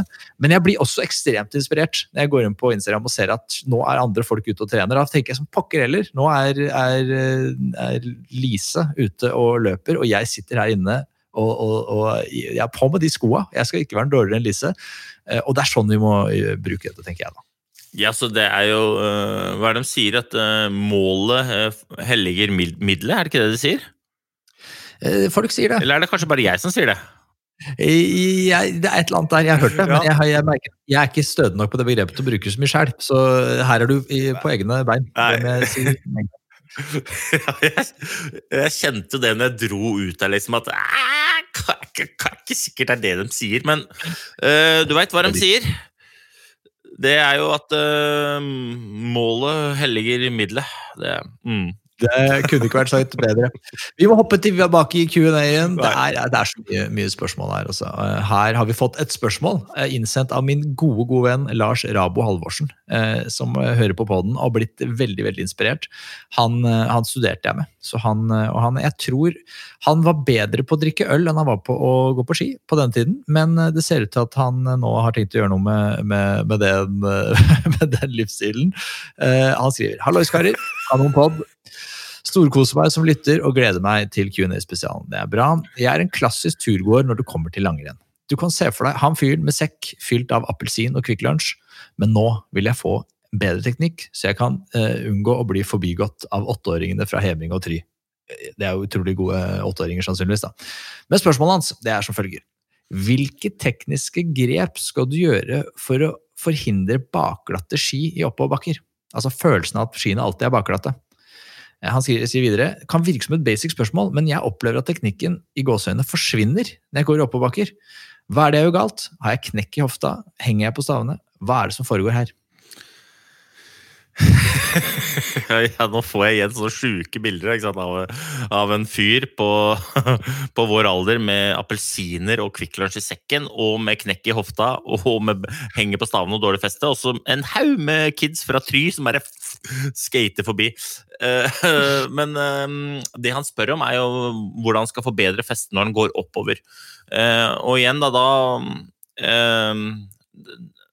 for, for, for, for, det første, jeg håper jo at skiene er tilpassa han, Lars, sånn at han uh, har rett ski. For Hvis han ikke har rett ski, så vil han, sånn, hvis den da er for stive, så vil han aldri få feste før han eventuelt går opp litt i vekt. Men um, utover det så er det jo noen små ting som er helt essensielt. Uh, han skriver jo 'knekk i hofta' og 'henge på stavene', og det er ofte det samme. Det betyr at overkroppen er for langt frem, sånn at beina ikke nødvendigvis At han har ikke beina rett under seg. Jeg sa det var et av clouene sist. Få beina rett under deg. Du må stå på beina, sånn at du kan skape kraft, kraft gjennom hele kroppen og ned i tåballen. Så du må prøve å rette deg opp, eh, Lars, sånn at du har beina under deg. Og så må du ha, når du skal sparke fra for å få feste, for å få best mulig feste, så må du ha trykk i tåballen idet frasparket går. Så uh, rett deg opp. Litt i kroppen, sånn at du ikke får knekk i hofta, ikke henger på stavene. For det som skaper feste, er jo 100% tyngdeoverføring, og den tyngden ned i snøen gjennom eh, tåballen. Så det er det du må mm, øve på, å få eh, rett og slett trykket ned i, gjennom skia, gjennom tåballen. Og, og det er sånn Kanskje ikke øv på dette i de bratteste motbakkene, men øv på det kanskje med å gå uten staver. Altså Det å gå diagonalgang uten staver vil jo øve deg til å, å trene på både tyngdeoverføring og balanse, men også det å klare å kjenne hvor, hvor er det jeg sparker, eh, sparker hen, og når er det jeg sparker, og hvordan er det jeg har trykk i foten når jeg sparker. Så uh, det er mitt enkle og, og kompliserte svar, da, at han må, må øve på de tingene der. Ja, men jeg, jeg må innrømme at jeg kjenner meg litt igjen. Jeg var, jeg var nok litt cocky. Jeg vet ikke om du husker i forrige episode vi om teknikk. så var jeg litt sånn, Når du kom til diagonal, så var jeg var ikke så interessert i å høre på det. For det der det kunne jeg. Det er der vi er litt utlært. Um, og det erfarte jeg at jeg ikke var. For jeg begynte da jeg gikk nå i jula, så prøvde jeg liksom å, å være bevisst teknikken. Og det der å, å sparke fra på tåspissene jeg har ikke vært god nok på det, altså. Og det, øh, det har ikke vært i det hele tatt. Og jeg, jeg kjenner meg litt igjen Lars at jeg ofte føler at øh, Jeg har vært jo ganske rask sånn tidligere og liksom klage på at det, det, er dårlig smøring. Altså, jeg, jeg har dårlig, dårlig, feste i bakkene. Og så var jeg alltid til pappa at nå, nå har du smørt skia dårlig. Nå har du gått, nå har du bevisst smørt min. Jeg klagde og søyt og var en forferdelig møkkaunge som klagde på det. Men jeg tror jo at eh, Og så prøvde pappa å si, da, som forsiktig og da, så jeg, Passer du på at du får tyngdeoverføring og han hadde litt andre cues, han. Men, og jeg var sånn, ja. Jeg, diagonalgangen min er perfekt. Ikke, ikke kritiser den. Det er din smøring her er, det er fadesen i denne skituren. Um, men jeg merka at det, der med tå, tåballene, det var kjempe-Q. Um, så det, det, gjetter jeg på, hvis jeg kan kunne komme med ja, tips. Hvis, ja, for hvis du har trykket på tåballen, så du, har du beina under deg. Uh, og du har ikke knekk i hofta, og du, ikke, du, henger ikke på stavene. Fordi han sier hvis du henger på stavene, for eksempel, da, hva, hva, altså det, det, ligger jo ordets, eller uttrykkets rette forstand der, at da har du jo kroppstyngden din i stavene. Og du får ikke bedre feste på skiene dine hvis du har kroppstyngden i stavene. Mm. Så han skal ha kroppstyngden i føttene når han går diagonal. For det er føttene som i hovedsak skaper kraft. Eh, så når Klæbo løper, for eksempel, så henger han ikke på stavene i det hele tatt. Han løper på beina skikkelig. Ja, rett opp. Litt, litt så han må, må få Ja. Ja. Så skal, jeg sa jo det at du må lene kroppen den veien du skal, sa jeg. Eh, så jo brattere det er det, desto mer kan du reise overkroppen, for da skal du oppover. Og jo slakere det er, desto mer kan du være hjelmesettende. ikke sant? Da skal du lene deg framover. Og eh, kravet til feste på skia er jo størst jo brattere det er. Mm. Ikke sant? Så hvis du reiser overkroppen, så får du bedre feste. Hvis du legger på, så får du litt mindre feste, men hvis du da ligger på og det er slakt, så trenger du ikke så mye feste heller, og så kan du dunke på allikevel. Men alltid ha trykket foran i skoen. Og det har aldri lønnet seg å henge på stavene. Den er grey. Jeg bare speeder oss videre, vet du, Øystein, for vi har fått et spørsmål også av Carl Kalle Jakob. Eh, Han sier hei og takk for eh, bra, inspirerende podkast, Hans Olav Øystein. Eh, Han hadde store forventninger til Mikrotrinspodden, og det må han si, vi leverte bra der. Eh, Terper staketeknikken nå om dagen rundt med Mednesaga på Lillehammer. Kjenner ikke til stedet. Eh, Mednasaga. Er det, eh, har derfor Nei, det hører jeg. Mesnasaga. Mesnasaga, ja. Da må han jobbe med eh, skriving av ski. Eh, har derfor spørsmål til stavlengde. Kortere eller lengre staver til staking, eller samme lengde som til klassisk? Og ski, kald eller varm såle når en skal kjøpe seg et par nye ski? Eh, Jeg har eh, stav... Kalle er jo, Kalle er jo en uh, inspirasjon for alle som eh, går rundt Mestlandshaga. så det skal du vite, Kalle, at eh, jeg smiler når jeg ser deg um, gå, selv om jeg vet at du går på feil skimerke. Uh, Men eh, i hvert fall når du staker. Men eh, vi kan ta ski stavlengde, det svarte jeg litt på sist, da, men det, eh, i, min, mine preferanser er jo lik stavlengde eller litt kortere når jeg staker. Eh, Men det kan godt hende at Kalle syns at det er bedre med litt lengre staver. Og for mosjonister så kan det godt hende at det lønner seg å ha litt lengre staver. eh, eh, Gjennom at det da er lettere kanskje å øve på å være litt høyere. Så hvis man har skøytestaver, så kanskje man prøve, begynne med å stake litt med, med skøytestaver, bare for å venne seg til å være oppe. Og så kan man heller gå ned på staver når man skal begynne å stake fort etter hvert. Til det med staver. Fordi jeg, jeg, jeg tenkte altså det, Hvis jeg har lyst til å gå Birken, og jeg har lyst til å gå Birken, jeg har lyst til å gå Birken så fort jeg makter. ikke sant? Det- er sikkert sakte, relativt til deg, men det er så fort jeg makter.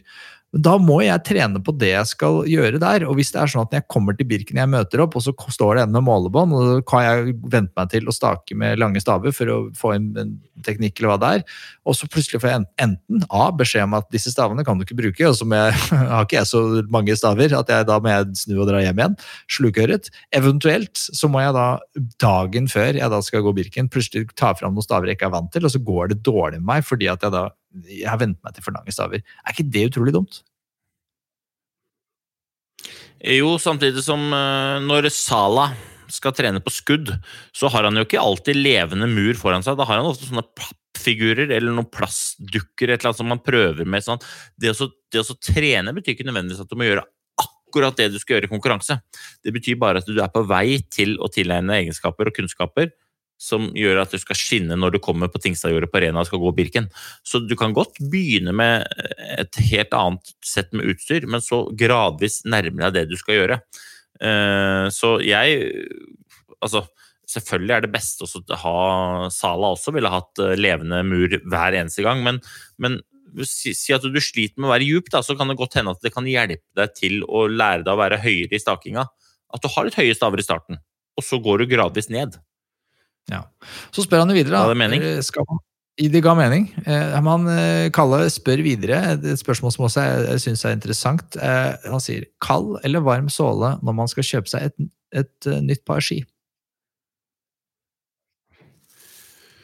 Eh, ja, altså det han spør om her er jo da eh, et spørsmål som jeg er litt usikker på. Nå kjenner jeg ikke alle alle skifabrikantene, men Matsus kjenner jeg veldig godt. Og vi har bare én såle. Okay. Sånn som tingens tilstand er nå, så er vår såle én såle. Så eh, da er jo ikke det noe problem å tenke på. Og så har du jo sett f.eks. både Salomon eh, og uh, Rossignol har jo, og Atomic har hvite skisåler noen ganger. Har du sett? Det er ikke svartsåle, men det er hvit under skia. Og Fischer har noe som den, den er òg hvit, men den er gult under det hvite. Og Det er noe som heter transparentsåle, som er da veldig godt hvis det er veldig møkkete eller skitten snø. Men for den gjengse brukeren, så kjøp noe vanlig allround-såle. Eller det som skifabrikanten kaller for uh, kaldsåle, eller det, er litt forskjellig hva du gjør. Men, men det som er viktig, er å kjøpe en ski som går på forskjellige typer, litt, som er litt sånn allround type ski i egenskapene. Det er mye viktigere enn sålen. Eh, Så jeg ville kjøpt en helt vanlig svartsåle, men gått til butikken og sagt at du skal gjerne bruke den eh, skia her på flere fører enn minus 15, eller bare pluss 15. Ja. For det kald eller varm eh, såle, det refererer til temperaturen, ikke sant? Eh, For eh, jeg som ikke kan en dritt. Ja, det er litt, det er litt ulike typer materiale i sålen som gjør at f.eks. En, en såle tåler f.eks. møkk og fukt bedre enn en annen type såle. Så, så, så da leker fabrikanten seg litt med, med å ha litt ulike såler, litt ulik hardhet i sålen og, og litt sånne ting, for å så, på en måte optimalisere prestasjonen til skisålen på det aktuelle føret. Men for folk som går Birken, ikke tenk noe på det. Den, butikk, den skia du kjøper i butikken, den har den sålen du skal ha. Og så må du bare finne den skia du skal ha. Det er det viktigste. Og så er det spørsmål fra Nina Johannessen. Det er jo tydelig at denne skøyting har blitt mer eh, tilgjengelig for allmuen, og det er veldig mange som er, driver med det og er nysgjerrig på det. Og hun eh, skriver eh, For det første så spør hun et spørsmål jeg ikke tror du har kompetanse til å svare på, Øystein, men vi fyrer løs likevel. Hun lurer, hun sier helsa først. Så spør hun gir medisinsk munnbind i smørebod noe beskyttelse for partikler slash støv i forbindelse med gliding av ski. Og så en parentes sikling slash børsting. Da sier jeg pass, men jeg sa vel at det stå et sted med god lufting, vil jeg starte. Men det, det, skader sikkert ikke heller. Det blir ikke noe verre. Det tror jeg Nei. ikke. Men jeg har ingen, ingen anelse. Og så spør hun eh, har du noen tips til hvordan man kan få inn litt skøyteteknikktrening på langtur. Eh, hvordan man kan få inn Da ville, da ville vel tipset være å skøyte, vil jeg tippe. da. At på en måte, Mitt tips, rolig tips da er jo å skøyte på, på langturen. Eh, vet ikke om det er liksom Om det høres ut som en sånn uh, ovenfra og ned-svar, men um, den aller beste treninga for skøyting er jo skøyting, uten tvil. Men vi kan jo ta en egen sånn podkast om skøyteteknikk, for det er mange som lurer på skøyteteknikk. Så jeg tenker at da skal vi få inn en som er god på skøyteteknikk, og som er god pedagogisk, så skal kan gi oss noen fine, enkle clues på akkurat det. da. Mm. Det, det, spør hun også om, etterlyser det, og det er jeg helt enig med om. Det må vi få. Uh, bare få på. Kanskje litt seinere i sesongen. Uh, men bare for å hjelpe hun litt med spørsmål, så gjetter jeg på det hun spør om, så jeg kan kjenne meg igjen i, er at uh, man er ikke god nok helt til å skøyte ennå, men har lyst til å ta en langtur. Finnes det noen, liksom, er, er, det staking da man må fokusere på, eller finnes det noen måter å liksom, få inn det på, eller er det litt sånn som du sier, at svaret er såre enkelt. Eh, da må man på med de skøyteskia og skøyteskoa, og så blir det en kortere tur, da, hvis ikke du er helt i form til å skøyte langt ennå. Eh, ja, ja, det vil jeg svare. Jeg, jeg, er enig med deg i det du sier der. Og så vil jeg også kanskje si at eh, hvis, hvis liksom valget står mellom også Uh, uh, gå ut og så skal du gå en tur, men du orker ikke å skøyte hele. Skal da stake det jeg ikke orker å skøyte, eller skal jeg gå klassisk, så ville jeg uten tvil valgt staking. Fordi det er så mye lettere å lære seg skøyting med skøyteski og skøytesko og skøytestaver enn det er å skøyte på klassiske ski med klass... sånn. Det blir bare en sånn uh, surr. Så stak deg en tur og skøyt så mye du orker. og så Det er lov å gå to korte turer, og du må ikke gå så innmari langt. Nei. Sikling, hva i all verden er det for noe fjas? Det er veldig mange som spør om det, så her tar jeg valgt ut et siklespørsmål. Og det er, eh, er Daniel som sier hei. Stålsikling slash kussminsykling? Spørsmålstegn. Har dere noen erfaringer rundt dette? Hva kan man eventuelt gjøre for å få en ski som har tapt seg litt, og som ikke er altfor godt uh, tatt vare på, uh, for å få god glid igjen? Eh, ja, dette, dette Kussminsikling, altså. Har vært mye borti det? lite. lite. Særs lite. Det må jeg innrømme. Ja, nei, altså Det han spør om her, er jo altså Kussmin, eller stålsikring, det er altså en, det er en slags um, metallplate, stålplate, som du drar over skien. Og det den gjør, er at den fjerner litt såle. Den, den skjærer rett. Det er som et slags barberblad. er Det Det er som et barberblad hvor du barberer av øverste laget på sålen. Det den gjør, er at du får opp fersk såle. Du kan fjerne riper, i og med at du på en måte fjerner et lag med såle. Eh, og så fjerner du også struktur. Kusmin er jo da en egen type eh, stålsikling med litt mønster i tillegg, sånn at du kan sette struktur ut fra dagens føre. Jeg har ikke prøvd det veldig mye, men jeg har sett noen som har prøvd det. og Noen er veldig fornøyd med det, andre er skeptiske til det. Men dette er som eh, ribbe og pinnekjøtt. ikke sant? Det er litt ulike preferanser der ute. Eh, men eh, Så jeg har ikke brukt det så innmari mye. Men hvis en ski er ikke så godt ivaretatt, hva er det man skal gjøre for å få den skien bra igjen? Jeg vil jo, Hvis jeg skulle valgt, så ville jeg ha slipt den opp.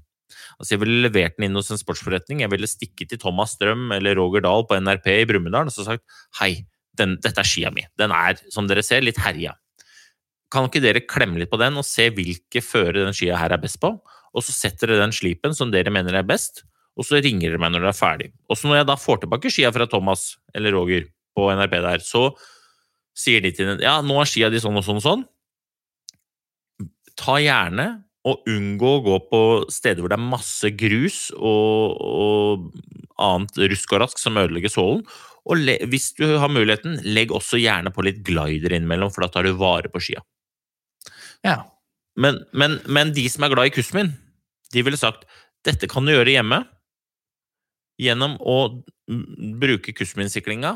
Og, og, og, for hver eneste tur eller for hver eneste gang føret forandrer seg, så bare drar du den over skien, og så får du fram en ny såle med nytt mønster, og så vil det være veldig bra. Så øh, jeg skal ikke si at det ene er bedre enn det andre, men jeg kan si at jeg ville valgt å slipe skien istedenfor å bruke Kusmin. Men det handler om at jeg ikke har så mye erfaring med stålsikring sånn i utgangspunktet. Hei, har et hårete mål om å stake et eller annet renn en gang i fremtiden. Nummer én, hvilket Visma Ski Classic-renn har i gåseøynene lettest profil med tanke på staking? Tenker da på motsatsen til Reitstadløpet. Minst mulig harde bakker, og vi ser bort ifra Vasaloppet, sier han. Vi ser bort ifra Vasaloppet, ja.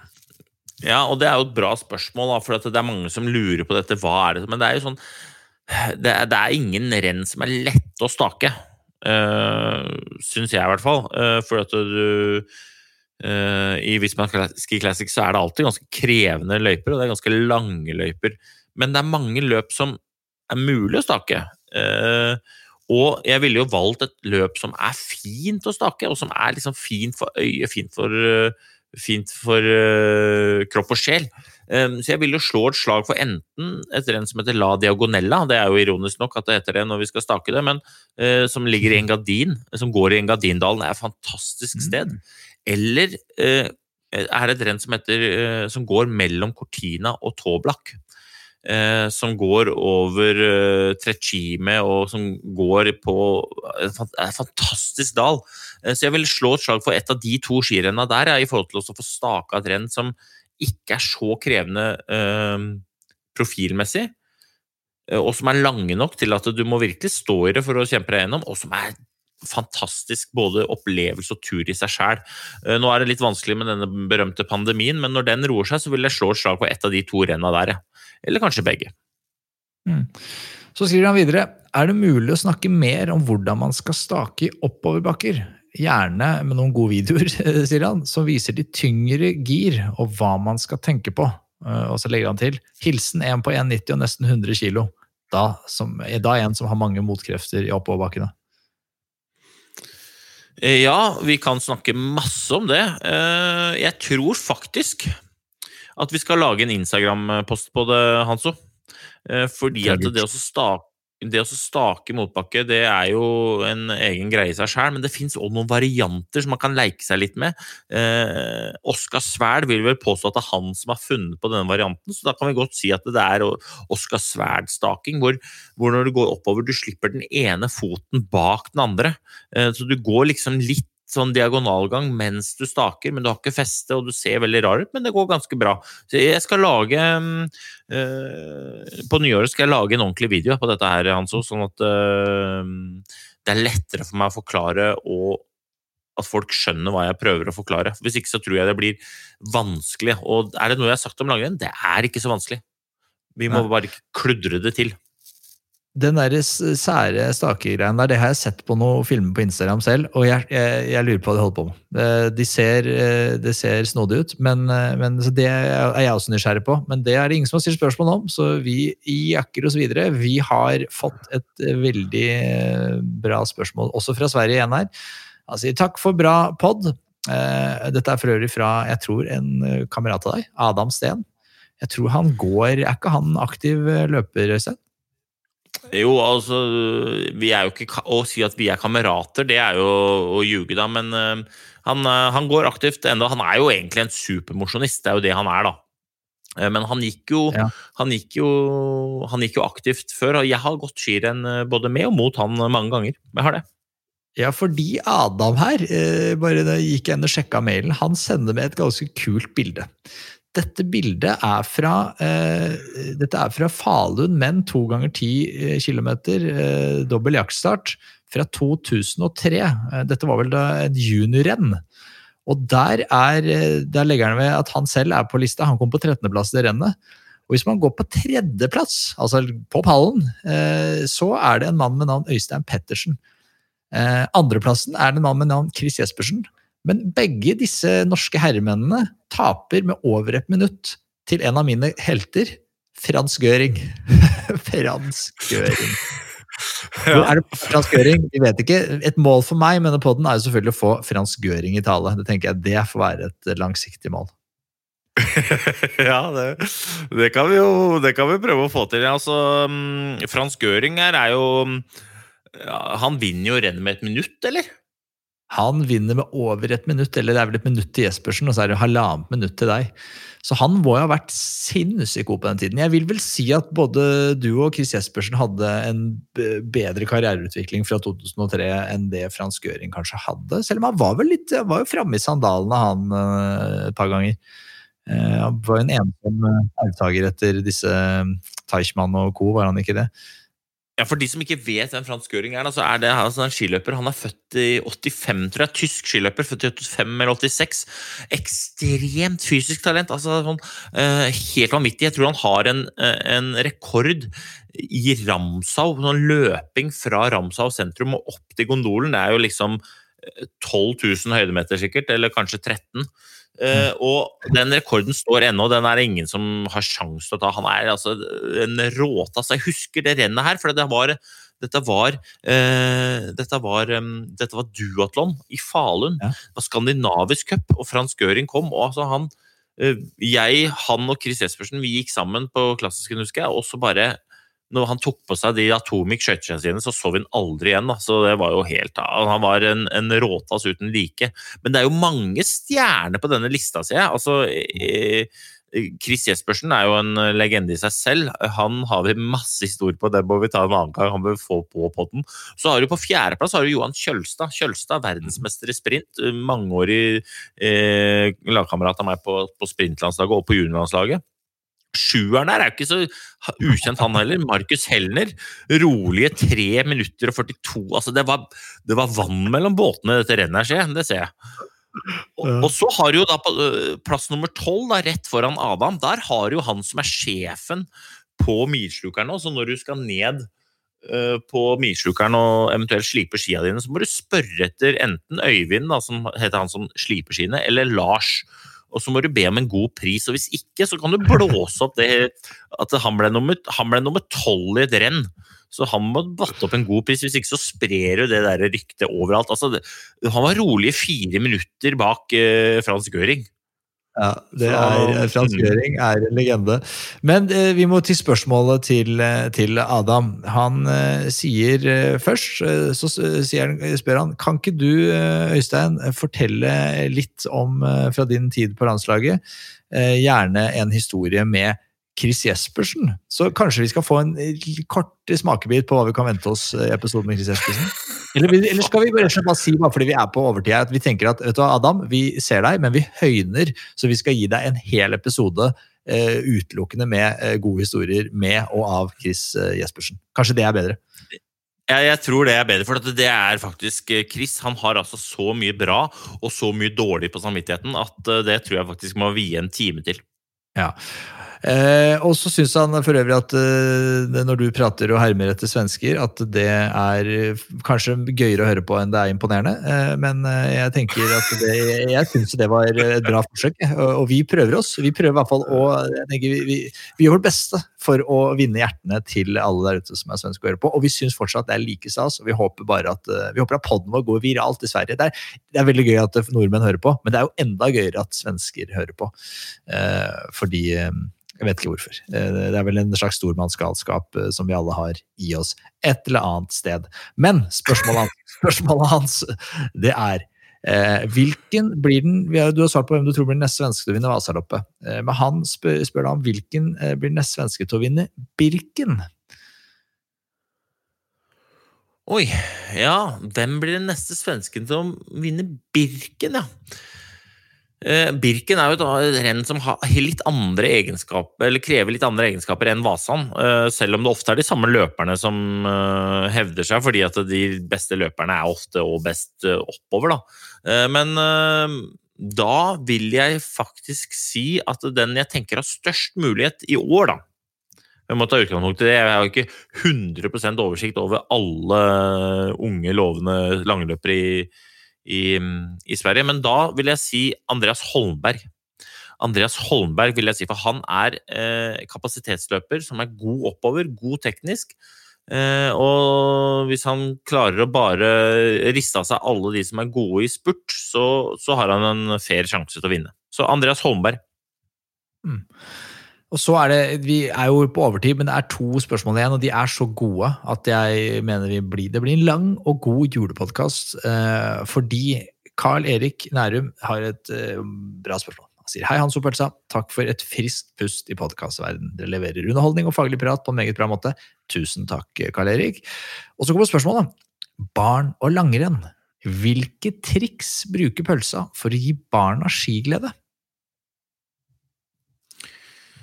Uh, oi, ja, dette er jo et vanskelig spørsmål. Det er Et spørsmål som jeg uh, prøver å finne svar på selv hele tiden. Da, fordi jeg har en datter som ikke er så glad i å gå på ski, og så har jeg en guttunge som er vanvittig glad i å gå på ski. Og da er jo liksom utfordringen hvordan jeg skal få med hun eh, dattera mi ut på ski, og at hun syns det er gøy, for det er det jeg vil. At hun skal bli glad i å gå på ski. Um, jeg tror veldig mye handler om å legge lista så lavt at man føler mestring. Uh, og så tror jeg selvfølgelig veldig mye handler om leik. Altså man skal leke. Uh, og bygge, om det er et hopp, eller om det er å bygge noen, uh, slalåmløype, eller et eller annet sted. finne noen bakker som gjør at man ikke nødvendigvis går på ski, men leker på ski. Flytter fokus. Um, og så er det jo heller ingen uh, hemmelighet at det å ha noe i sekken uh, som en slags belønning eller bensin, eller kall det hva du vil, det hjelper ofte på stemninga. Men nå skal jeg si et tips som mitt beste tips, fordi at, og hvis, nå vet jo ikke jeg hvor uh, Knut bor, da, men hvis, hvis det er mulig, legg opp turer som går netto ned. Legg opp til turer hvor du kjører mest nedover. Eh, hvis du bor i Oslo, ta gjerne eh, T-banen opp til Frognerseteren og gå ned til Sognsvann. Gå ned til Sognsvann. Gå om du går rett ned, eller om du kjører om Ullevålseter, eller om du går fra Fr- Frognerseteren og ned til eh, Holmenkollen.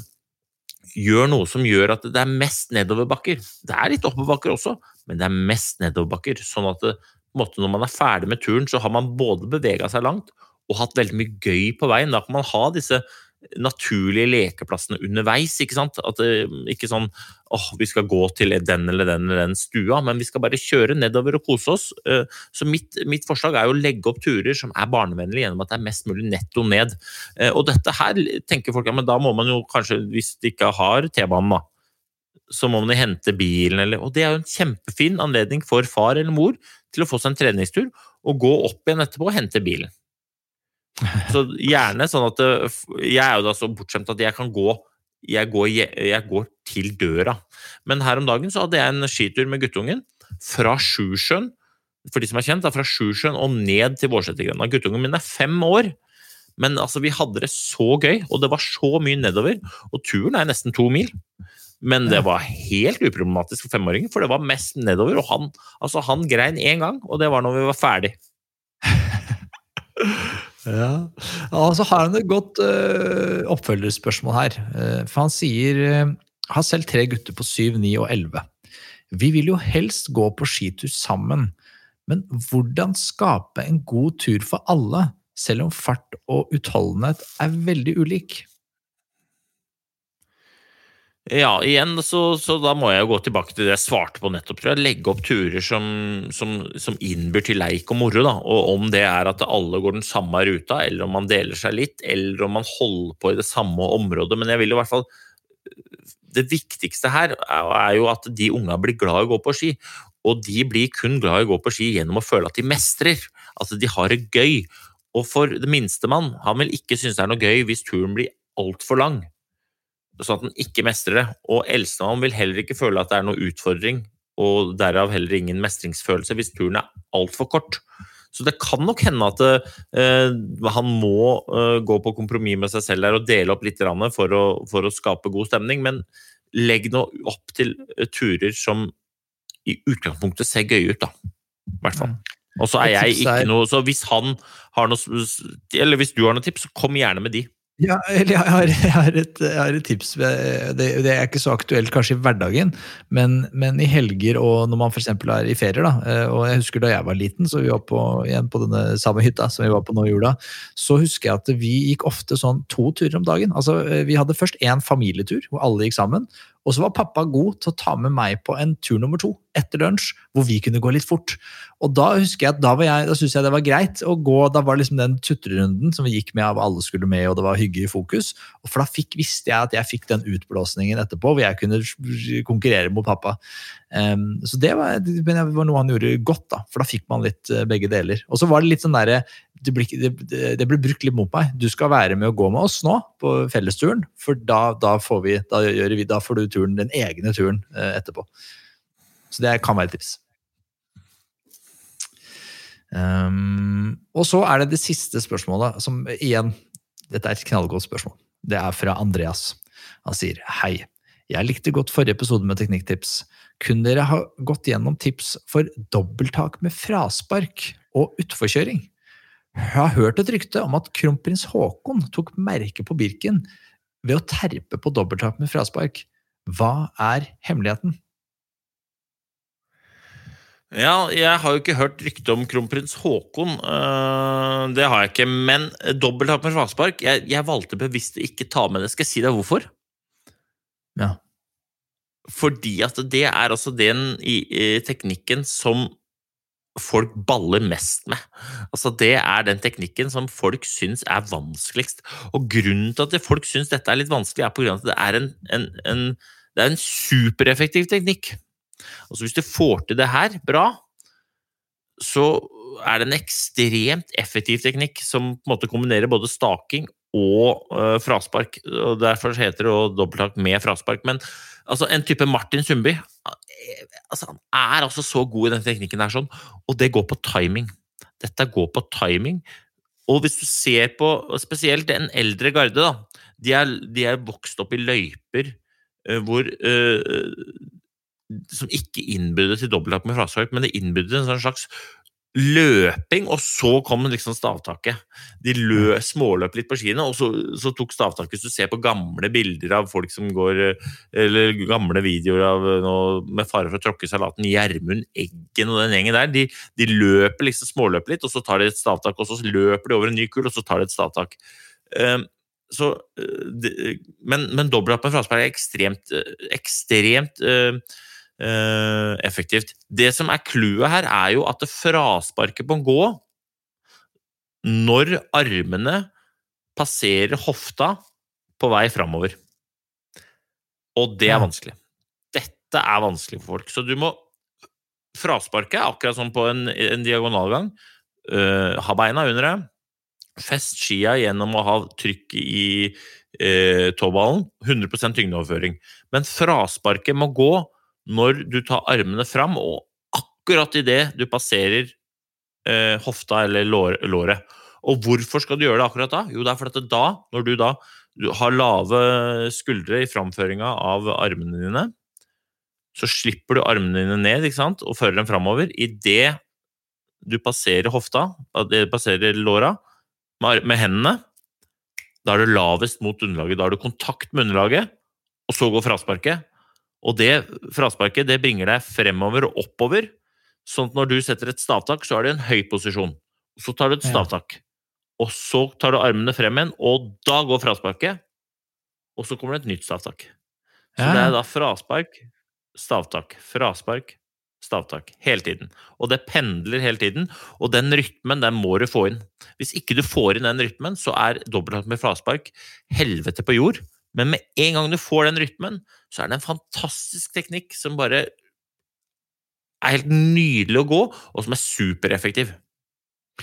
Fordi her, og her, eh, her igjen, for, med fare for å, å, å gå ut hardt og si at, dette er, at jeg føler jeg behersker noe, så det, gjør jeg ikke i det hele tatt. Jeg behersker det neppe godt, men jeg opplever selv at litt sånn ref skituren og jula, at når jeg blir staking blir jeg veldig sliten av, og, og det, er, det er for tungt, og, og da går jeg ofte over til dobbelttak med fraspark, og der føler jeg at jeg flyter mer.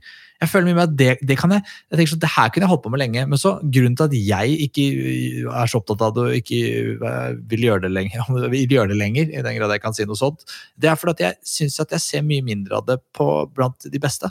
Jeg føler at Hvis du ser på TV nå, så, så er det veldig mye staking, og, og så går man diagonal fordi man må i oppoverbakkene, de bratteste. Eh, og, mens jeg føler eh, dobbelttak med fraspark, som Bente Skari gikk jo, følte jeg dobbelttak med fraspark fra start til, uh, til mål, Eh, men det ser man i mye mindre grad. da. Eh, på Therese Johaug for eksempel, føler jeg staker mye mer. Og da tenker jeg at da, Dette er min eh, måte å resonnere på. at Da er staking mer effektivt. Derfor må jeg dobbelttak med fraspark. Slutt med det. Lær deg å stake skikkelig som en mann eller en kvinne. og, og jeg er i ferd med å bli Henrik Kristoffersen. Dette må vi bare gi oss med med en eneste gang. Eh, og, og gå diagonalt. Hva sier du? Ja, altså, du, har, eh, nei, du har rett i det du sier, at det blir gått mindre. Det er jo to ting. Det ene er at vi har blitt mye bedre til å stake. Eller vi, jeg mener de. De har blitt mye bedre til å stake, og det går veldig fort. I tillegg så er løypene sånn at det er ofte bratte bakker, og det er jo eh, er sikkert mange årsaker til det, men noe av årsaken er jo også at folk ikke skal stake hele tiden. Så eh, det typiske dobbelttak med frasparkterrenget, der staker folk nå, og så når de kommer inn i bakkene, så, eh, så går de eh, så går de med diagonal eller fiskebein. da. Eh, Så litt med løypa. Men f.eks. et turrenn som Birken, det er, altså, det er jo et For mosjonisten så er det dobbelttak med fraspark-orama. Altså det er bare okay. Her er det bare å klaske av gårde. Og hvis du er god til å gå dobbelttak med fraspark, så sparer du masse energi på det. Eh, Med å gå det kontra å gå nei, diagonalgang eller stake. Og du vil òg sannsynligvis gå fort. da. Så Hvis du er god til å gå dobbeltlapp med fraspark, så kan du gå altså nesten hele Birken dobbeltlapp med fraspark. eh, Og, og tjene på det. Ja, så det vil si at det, det jeg driver og surrer med i mitt, eget hode, da, hvor, jeg tenker at det, skal jeg bare, det må bare fase ut, for jeg må bli god på å gå diagonal effektivt, for da kommer jeg meg raskt opp de bratte bakkene, eh, og så må jeg bare lære meg å stake som en bikkje. Det er liksom ikke nødvendigvis riktig for meg, fordi jeg vil jo tro da at eh, for meg så vil dobbelttak med fraspark være mye mer effektivt, så jeg burde kanskje faktisk, det motsatte av det jeg fokuserer på nå, fokusere mer på det, bli bedre på det. Ja, Det er i hvert fall ikke noe dårlig teknikk å, mm, å trene på for, for alle. Altså, Jeg også burde gå opp masse dobbeltlagt med fraspark, eh, fordi at det er veldig effektivt, og det er, eh, og det er innmari gøy òg. For det er en sånn slags uh, Igjen, da, det er dette, hjul, dette berømte teknikkhjulet som skal gå, eller en sånn slags flyt. Og når du kommer inn i den der dobbeltlapp med fraspark-flyten, da spiller det på alle strenger. Nå høres jeg jo helt ut som jeg har drukket noe vin her til morgenskvisten når jeg snakker om dobbeltplan, med fraspark, men jeg er glad i den teknikken. Altså, det er en ordentlig god teknikk. Deilig. Ja, så bra. Altså, Jeg føler også jeg flyter, det, ting flyter mye mer med den for min egen del. Jeg føler jeg går mye, mer, mye billigere, og så går det ganske raskt fremover. Litt som den konemorgangen til søsteren min, hun, som hun tydeligvis trives med. Det, altså, litt sånn, jeg, jeg lever etter en leveregel som er 'you can't argue with success'. Eh, så folk kan si at Petter Northug har stygg teknikk alt de vil. Fyren vinner eh, da, unektelig flere VM-gull enn alle andre, så det er på en måte liksom You can't argue with success. Så, men han har et annet eh, spørsmål her, siste spørsmål. Dette er da dagens aller siste spørsmål fra, som Andreas får stå for. Han sier eh, da Birken byr også på noen heftige utforkjøringer fra Sjusjøen og nedover til Birkebeiner stadion. Hvordan unngå frykt og stivne, og heller bli myk som en katt nedover bakkene? Ja, Hvordan unngå frykt for å stivne og være myk som en katt? Altså, det er jo et spørsmål jeg gjerne skulle ha et svar på, da, men, eh, men jeg vil jo anta at um, det her dreier seg om å tørre å oppsøke dette terrenget og trene på nedoverbakker. Trene på å bli myk som en katt, trene på å være litt løs og ledig. og sånn at Når du kommer til rennet, så vet du hvilke svinger som kommer, og du vet også at du har trent på det du skal gjøre, sånn at du har litt selvtillit når du setter utfor disse bakkene. Og det, ned fra Sjusjøen går jo innmari fort hvis det, hvis det er rett føre og du tør å dra på litt. Og da kan du tjene innmari mye tid også, eller spare, spare mye tid. da. Så jeg vil jo anbefale alle som syns at de bakkene er litt skumle, kanskje ta en tur eller to eller tre, eller eller ti hvis du har mulighet til det, i de bakkene. Eventuelt trene på andre bakker der, nærmere der hvor du bor, da. men det å bli god til å uh, kjøre utfor, det handler jo om akkurat det. Kjøre mye utfor. Uh, så det er nok svaret på det. Det er ikke tilfeldig at uh, de beste skiløperne er gode nedover også. Det er ikke fordi at de har bare Det var ikke flaks. Det er fordi de har gjort det mye. Det er ikke tilfeldig at Pellegrino eller Klæbo er gode i svinger, eh, eller at Vibeke Skofterud var god på skien. Det er fordi de har stått mye på ski, leika seg mye på ski og, og turt, å, turt, å, utfordre litt. da. Mm.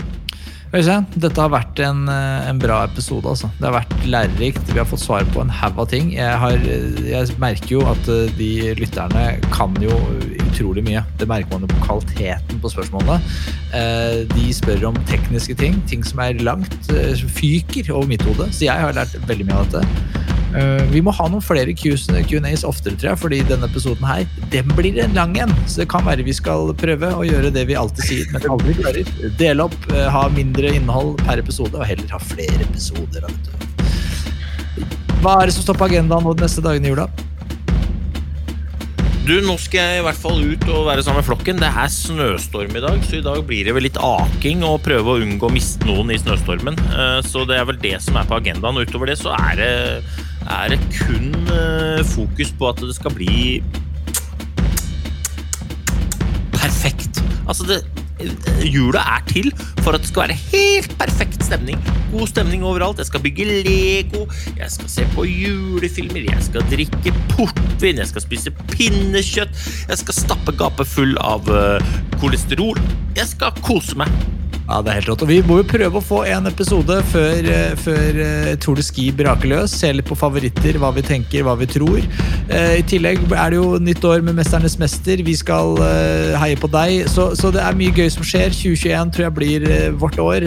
Det, og jeg tenker, Da skal jeg være, lære av deg, Øystein. Jeg syns at alle sammen skal lage 2021 til sitt år. Og det skal løpes 3000 meter raskere enn man tenkte at man evna å, å få det til. Jeg gleder meg. Eh, vi slaksa. Hils hele flokken, og så høres vi. Hoi, hoi!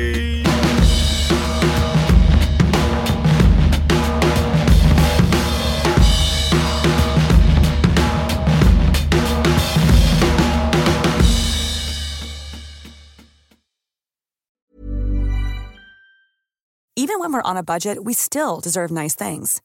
Quince is a place to scoop up stunning high-end goods for 50 to 80% less than similar brands. They have buttery soft cashmere sweaters starting at $50, luxurious Italian leather bags, and so much more.